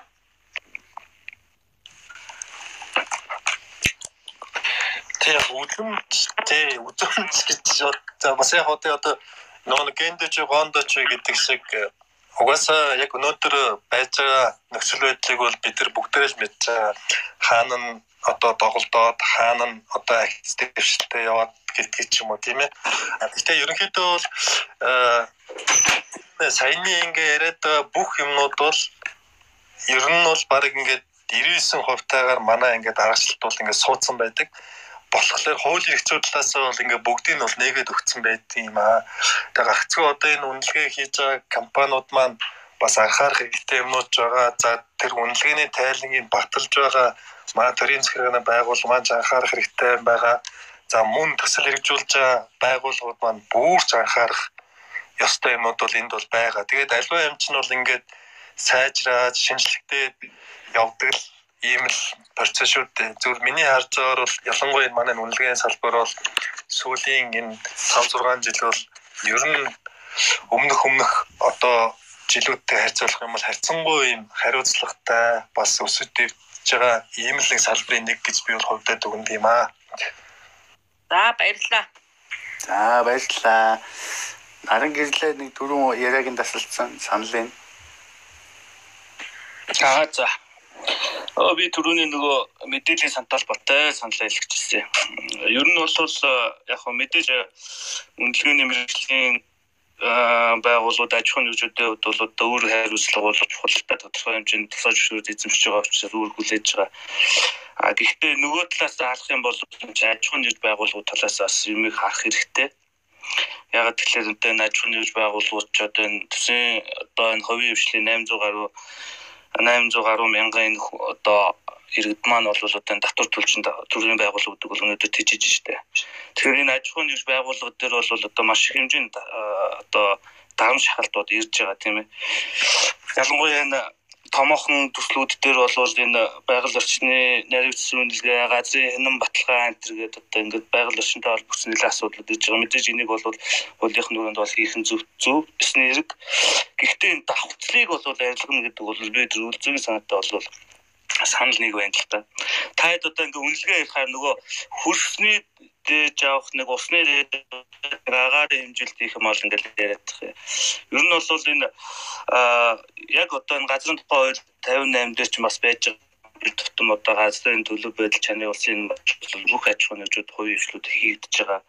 Тэгээ энэ дээр чинь бол бүр одоо нарийнсан үнэлгээнээс илүү бүр хөрсний судалгаа хөрсний бохирдлын судалгаа энэ одоо ургамлын төрөл зүйл одоо тархалт байд юм уу дороотолж байдаг юм ингээд бүр дайшаа цаашаа энэ газар ашиглалтын судалгаа хүртэл ингээ хийгдээд төлөвлөлттэйгоо нэг талбарын пассворт гэдэг одоо нэг талбарын сүлжээний зураг гэдэг бүр бүхэл бүтэн юм юм гарч байгаа. Тэгээ энэ дээр нь бол дахиад дээрээс нь байгаль орчин наривсан үнэлгээ орж ирэнгүүтээ дахиад дээж аваад дахиад нөгөө усны дээж одоо төлөв байдлын судалгаан дээр ч хүртэл усны дээж хүртэл орсон байгаа шүү дээ газрын гадрын болон гүн усны дээж авахын асуудлаас хүртэл орсон байж байгаа. Ингээ өөрөөр хэлбэл аж ахуйн талаас харах юм бол эн чинь маш их юм одоо ажлууч нь давхцалтай ингэж орж байгаа. Тэгэхээр энийг бас яг энэ талаас нь хармаар байна. Хоёрдугаар юу гэхээр энэ юуны талаар энэ өнөөдөр бид нар ч нь гео мэдээллийн технологи буюу одоо энэ байгаль орчны нөлөөлөх байдлын үнэлгээ энэ байгаль орчны суурь судалгаа төлөв байдлын судалгаанд биднээс энэ гео мэдээллийн технологи ер нь ямар технологиг илүү төлөвлөгөө ашиглаж байна. За ямар одоо энэ мэдээ мэдлийг бас ашиглаж байна гэсэн талаас бас нэлээ ярих юм болов уу гэсэндээ сүүл байгаа бүр үнэлгээний бол явчлаа л та. Тэгэхээр яг хуу энэ геомэдэлтэйгээ холбоотой технологийн юмтайгаа холбоотой гэх юм бол биднээс энэ олон датануудыг бол нэг стандартад оруулж бодвол мэдээлэл сан бол үүсэх нь бол одоо зайлшгүй одоо шаардлагатай болчиход байна шүү дээ. Нэг талаас одоо үнэлгээ хийж байгаа аж ахуйн нэрж байгууллагад бол маш их хэмжээний дата байна А нөгөө талаас нөгөө төсөл хэрэгжүүлж байгаа байгууллага чинь тэрнээс илүү дата байж байгаа. Бүр маш олон төрлийн дата. Маш олон суурь судалгаа, төлөв байдлын судалгааны датанууд, маш олон мониторингийн зүгүүд, тэр мониторингийн зүгүүд нь байгалийнхаа хам бүрлүүдээр хуваагдаад одоо агаар, хөрс, ус, ургамал, амтэн гэл одоо ингээл. Тэгээ харамсалтай нь энийг байгаль орчин ажиллагчдын яам ингээд жил болгоо аваад идэгээс одоо түрүү нэг аль сонсох нь энэ ч ерөөсөө юм болгоогүй юм биш үү одоо тэгээд нэг хүний скан дотор байж байгаа юм байна. Бөө юм болол одоо ингээд сидэн дээр бичиж бичээд тийм форматаар аавн ингэж аавн наад чинь атрибут мэдээлэл нь юм байх хэвээр энэ гэж байх юм заагаад ингээд. Тэгэхээр одоо энийгээ бол энэ нэг талаас үнэлгээчтэй холбоо байгаль ажиллагчдын яам мэрэгжлийн байгууллагууд хамтраад энэ олон датагаа бол одоо нэг стандартаар бол мэдээллийн сангуудын дээр бол гэж бодож байна. Тэр нь одоо Монголд ч одоо дүүр мэдээллийн сангууд л бий болчихлоо одоо. Одоо та нар санаж байгаа бол газрын харилцаа геозо зургийн төрж гадны бас энэ Монгол орон мэдээлэл геомониторингийн судалгаанууд гэж сүүлийн 5 жил хийгдсэн маш их том датанууд цуглуулсан сангууд байж байна. Байгаль орчин ажил вебсайтаар баах сангууд байж байна. Тэгээ энэ олон одоо веб одоо зарим нь одоо веб JS-ын төр хөгжүүлсэн. Эднээс ч одоо яг алийн ашиглаж алийн тулгуурлаж явах юм тийм. Бүгдөө нэг суурьтай нэг л адилхан зүйлүүд. Тэгэл энэ тэнд энэ тэнд ингээд орцсон. Тэгэхээр ер нь бол энэ төрийн хэмжээнд энэ төрийн байгууллагуудын хэмжээнд энэ олон датанууд энэ олон мэдээллийн сангуудаа нэг болгоод энэ хэрэглэгчд жоохон ойлгомжтой аж ахуйн нэрж байгууллага иргэдэд бол жоохон ойлгомжтой хүртээмжтэй энгийн байдлаар ингээ гаргахгүй бол одоо бас болохгүй юм байна л гэж надад сая бодож байна л та. Харин одоо нэрс нэмээд статистикийн газар байна. Олон дата нэмэгдэж байна ашигт нөгөө TS хүртэл бас байж байгаа. TS дээр бол сургууд нь тавигдсан байж байгаа. WWF бүгд байгаа бүгд байгаа тэгээд. Манай хүлээлэн хүртэл байгаа шүү дээ нан гэрлээ. Нэг асуулт байна. Тийм тийм. Нэг асуулт байна. Одоо ингээд өнгөрний компаниуд чинь өрсний зураг, усны зураг гэл мапууд орон зай тийм гео мэдээллүүд хийгээл байгаа шүү дээ. Тэнгүүд бүгдээрээ яг ижил форматаар ижил масштабтай мапууд хийж чадж байгаа юу? За би хариулж яв. Үлцээ болцсон уу? Болцсон. Тэр масштаб масштаб би бас дээр харилцсан л да. Үнэлгээний компани болгон ижил хэмжээтэй, ижил масштабтай зураг хийн гэсэн ойлголт бол баг байхгүй дээ. Яг гэхэлэр үнэлгээний компани болгон тухайн А гэдэг төсөлтөөр ажиллаж байгаа. А гэдэг төсөл нь нүүрсний орд байя гэд бодъё. Тэгвэл одоо танай компани А гэдэг нүүрсний ордоор ажиллаж байгаа манай компани Б гэдэг нүүрсний ордоор ажиллаж байгаа гэж бодъё. Энд чинь нөөц нь өөр. За ашиглах технологи нь магадгүй ижил байж магадгүй. За тэгээ нүүрс дээрийн зам нь өөр. Ингээд бүх юм өөр баггүй юу? Энийгээ дагаа тэр нөлөөлөл гэдэг юм чинь өөр болно л гэсэн үг. Тэгэхээр чин одоо яг үнэлгээний компани болгон одоо юу гэдэг агарын одоо тоосны тархалтыг нэгийг харьцан 5000-ны масштабтай хийнэ гэдэг ойлголт бол байхгүй шүү дээ. Тэгэхээр энэ чинь ямар нөлөөлөл үүсэж байгаас хамаарат тухайн зураглалыг яаж одоо нөгөө хүнд ойлгомжтой яаж одоо юу гэдэг харуулах уу гэдгээс чинь масштабын асуудал бол хамаарна л гэж би ойлгож байгаа. нөлөөлөлтөй холбож биш ээ. Төлөв байдлын үнэлгээ ер нь одоо суур нөхцөл байдлын судалгаа хийгээд төлөв байдлын үнэлгээнд дэр хөрсний зураг, ургамлын зураг гэдээ гараад байгаа шүү дээ. Тэгээд түрүү яамны отхон төгс үнэхээр нийлүүлэхэд хэцүү юм байлаа гэдэг чи яг л энэ л байгаа байхгүй юу. Өөр өөр хийцүү учраас тэр чинь нийлүүлэхэд хэцүү л байхгүй юу. Тэгэхээр зүгээр миний санал юу юм гэхээр ижил форматаар ижил юугаар нэг юм тогтсон юу л баймаар байна л да. Одоо хөрсний зураг ийм масштабтай хийн ингэж координаттай хийнтэй координат системийг ингэж хийн гэдэг юм. Тогтсон тийм юм байхгүй л бол тэгэл эзэш нэгдэхгүй шүү дээ энэ дата ч угаасаа тийм үстэй. За наад чинь юм баггүй юу. Төлөв байдлын үнэлгээнд дээр одоо энэ ийм одоо яг л нөө буцаад чи А гэдэг уурхат дээр очино би Б гэдэг уурхат дээр очино. Тэгэхээр танай компани ургамлын одоо нөгөө нэг дээжлтийн цэг одоо ургамлын нөгөө төлөв байдлын судалгааг цэгээ хэдэн цэг дээр ямар аслагдмал зайд хийх вэ гэдэг нь тодорхойгүй. Манай компани тодорхойгүй. Тэгэхээр энэ тохиолдолд тэр масштаб гэж өөр яриад шүү дээ. Формат гэвэл наачаа өөр асуудал байхгүй. Формат ч нь бол тэр UTM 48-аараа тэгээд GIS-ийг цэг оруулаад GIS-тэй зураг тэгэл формат нэрэгчин. Масштаб ч нь бол өөр асуудал байхгүй юу. Тэгэхээр асууж байгаа асуулт чинь ингээд нөгөө нэг хутгараад байна л та. Яг нөгөө юу л асуугаад байна л та. Английн систем л асуугаад байна л та.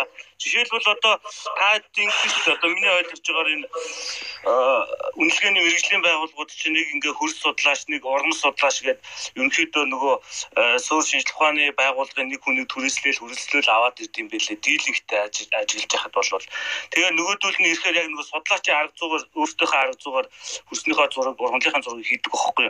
Тэгээд энэ дэч одоо хичнээн хөрс судлаач байгаа, хичнээн ургам судлаач байгаа. Бүгд л өөрөө өөрсдийнхөө ангиллаар тэгэхээр ямар ч ангил зүүн одоо систем ба байхгүй. Тэгээд тэр яамны мэрэгч хэлээд байгаа шүү дээ. Та ядын боловсруулсан зураг юм чинь нийлүүлж болохгүй нэ гэдэг чинь та нар ядаж л ангилчин категори категорижоогүй одоо ингээд ийм янз бүрийн одоо масштаб гэж хэлчихэд бас буруутахгүй нь бол английн систем чинь зөрүүтэй учраас наадах чи Монгол орны хэмжээнд нэгтгэхэд хэцүү байна гэдэг асуудлыг яригадад байна. Хянан баталгаан дээр бол наадах чи бүр тодорхой болгоод индексжүүлээд кодлоод өгсөн шүү дээ. Одоо галын хянан баталгаан дээр бол яг ийм одоо английн системийг чи ашиглана. Эндээс ийм хэв шинжийн хөрс чи энэ кодыг ашиглана. Ийм хэв шинжийн ургам чи ийм ургамлыг ашиглана. Масштаб чинь бол одоо хамгийн том масштабаар ингэ зурлах хэрэгтэй 5-аас 10 мянга байх хэрэгтэй тэгээд журмлаад өгсөн бохоггүй юу. Тэгэхээр яг үнэлгээний одоо журмууд дээр яг энэ суур зургууд төлөв байдлын судалгаанд орж байгаа энэ зураглуудаа английн системээ нэг болов масштабаа нэг болов тэгээд хэрэглээ тал руу анхаар Тэгэхгүй нэг Монгол орны сая 500 мянгатын үрсний зургийг ингэж кроплж ажиж тавьчихэл үндгэн дээр тэн дээр тайлбар өгөө явж идэг үнэлгээ зөндөө байгаа шүү дээ. Тэгээд тэр арын дэвсгэр болгож ашиглаж байгаа тэр sensing-ийн зургууд нь урт шал өөр өөр юмнууд байгаа байхгүй хит хитэн 10 метрийн наривчлалтай зураг нэг нь ашиглаад нөгөөх нь 50 метрийн наривчлалтай зураг ашиглаад инкерч угаасаа энэ чинь шал өөр юмнууд гарч ирэх байхгүй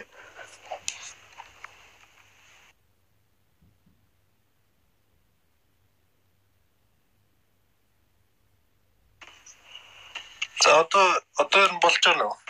Болно болно. Одоо хаяа гэсэн саналтай 10 цаг болж байна. Тэ? дахиад одоо түмээ үнэлгээ эрхлэгчдийн холбоо маань ингээд сайхан э, тодорхой энэ сэдвүүдээр сайхан яриад явбал өшөө яриад задраад явах зөндөө сэдвүүд гарч ирж чинь шүү л гэж хэлэх гээд. Дараагийн сэдв юу вэ? Хизээ болох вэ? Ямар хугацаанд явуулахаар болж байгаа вэ? За манай геометрик клабаас бол 7 хоног болгоны лав гарагт орой 7:30-аас гэж зөвлөж байгаа. Дараагийн 7 хоногт ArcGIS системийн дистрибьютор Mommapping компани хоёр зочин спикер оролцохоор биднээ төлөж байгаа. 28-нд 4 сарын 28-нд болохоор инженер геодезийн Garmin GPS-ийн тухай ярина. Энэ 4 сарын хувьд бол ийм төлөвлөгөөтэй байгаа. Манай клубээс бол Энэ геоток гээд энэ өрөө чинь дотроо тийм олон салбар өрөөнүүдэд хуваагдаад байгаа мó. Гүүгүү энэ геометрик клаб гэдэг үүсгчээд байгаа энэ клаб хаус дотор. Тэгээд тэр маань энэ геоток гэдэг ярианы өрөөг 7 хоног болгоны 5 гараг юм уу 4 дэх өдрөө аль нэгэнд хийгдэж байгаа. Тэгээ сүүлийн өнгөрсөн 3 сараас хойш мэдээлэл тооцоолын төвийн одоо ярих хэлсэн дроны тухай яриа хийгдсэн IMAF цэгийн ярилцсан байгаа What Free Words гэдэг энэ байшил тогтоох хаягжилтын системийн тухай яриа хийгдсэн байгаа. Ингээд өнөөдөр болохоор энэ байгаль орчны нөлөөлөх байдлын үнэлгээнд геомэдэлийн технологи хэрэглэх тухай энэ Монголын үнэлгээ эрхлэгчдийн холбоотой хамтраад энэ хамтран ажиллах сан жижигхэн хүрээнд энэ үйл ажиллагаа маань хийгдэж байгаа. Тэгээд 7:30-аас хийгээд одоо 10 цаг бол өнгөрцөн байгаа учраас ерөнхийдөө өрөөгөө хаяа гэсэн саналтай байгаа шүү. Тэгээд дараа дараа Аа за.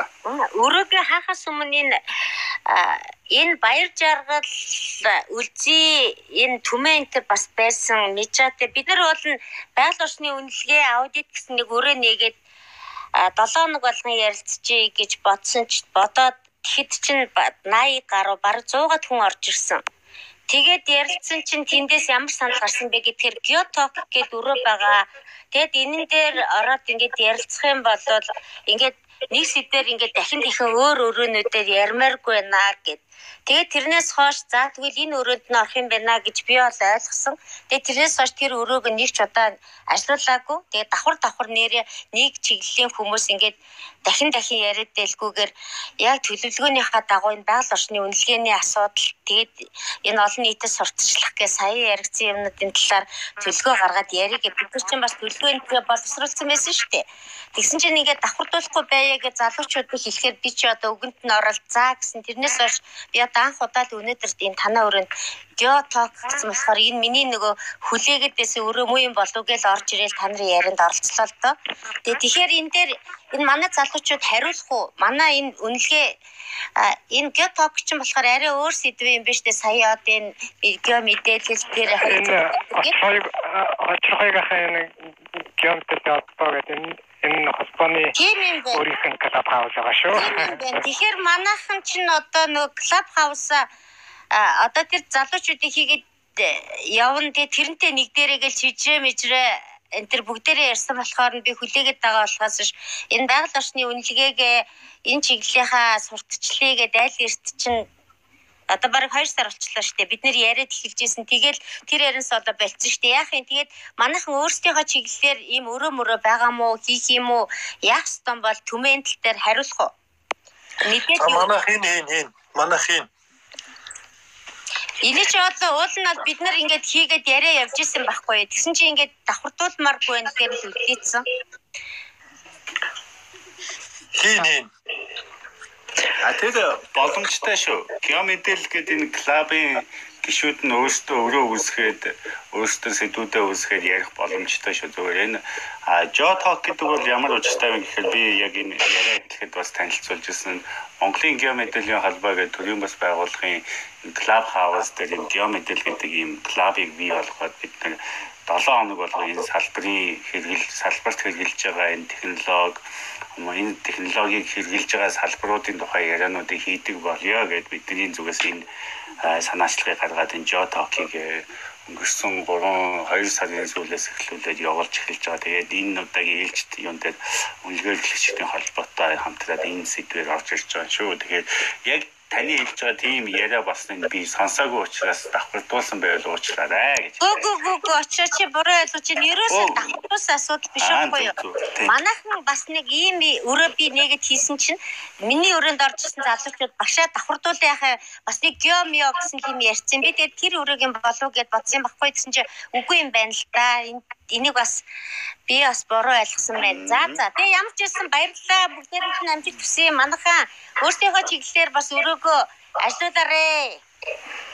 За амжилт хүсье. Би гарлаа. Бэмба үлцээ та хэдийн нэг ярьсан. Ажиллуулнаа, ажиллуулна тий. Үнэлгээ аудит гэж хойлж хэрэггүй бахаа үнэлгээний өрөө нэг тусдаа аудитын өрөө нэг тусдаа байсан дээр орсон. Тийм тийм тийм. Яг л олон сэдв хамаарна. Хамаарахгүй учраас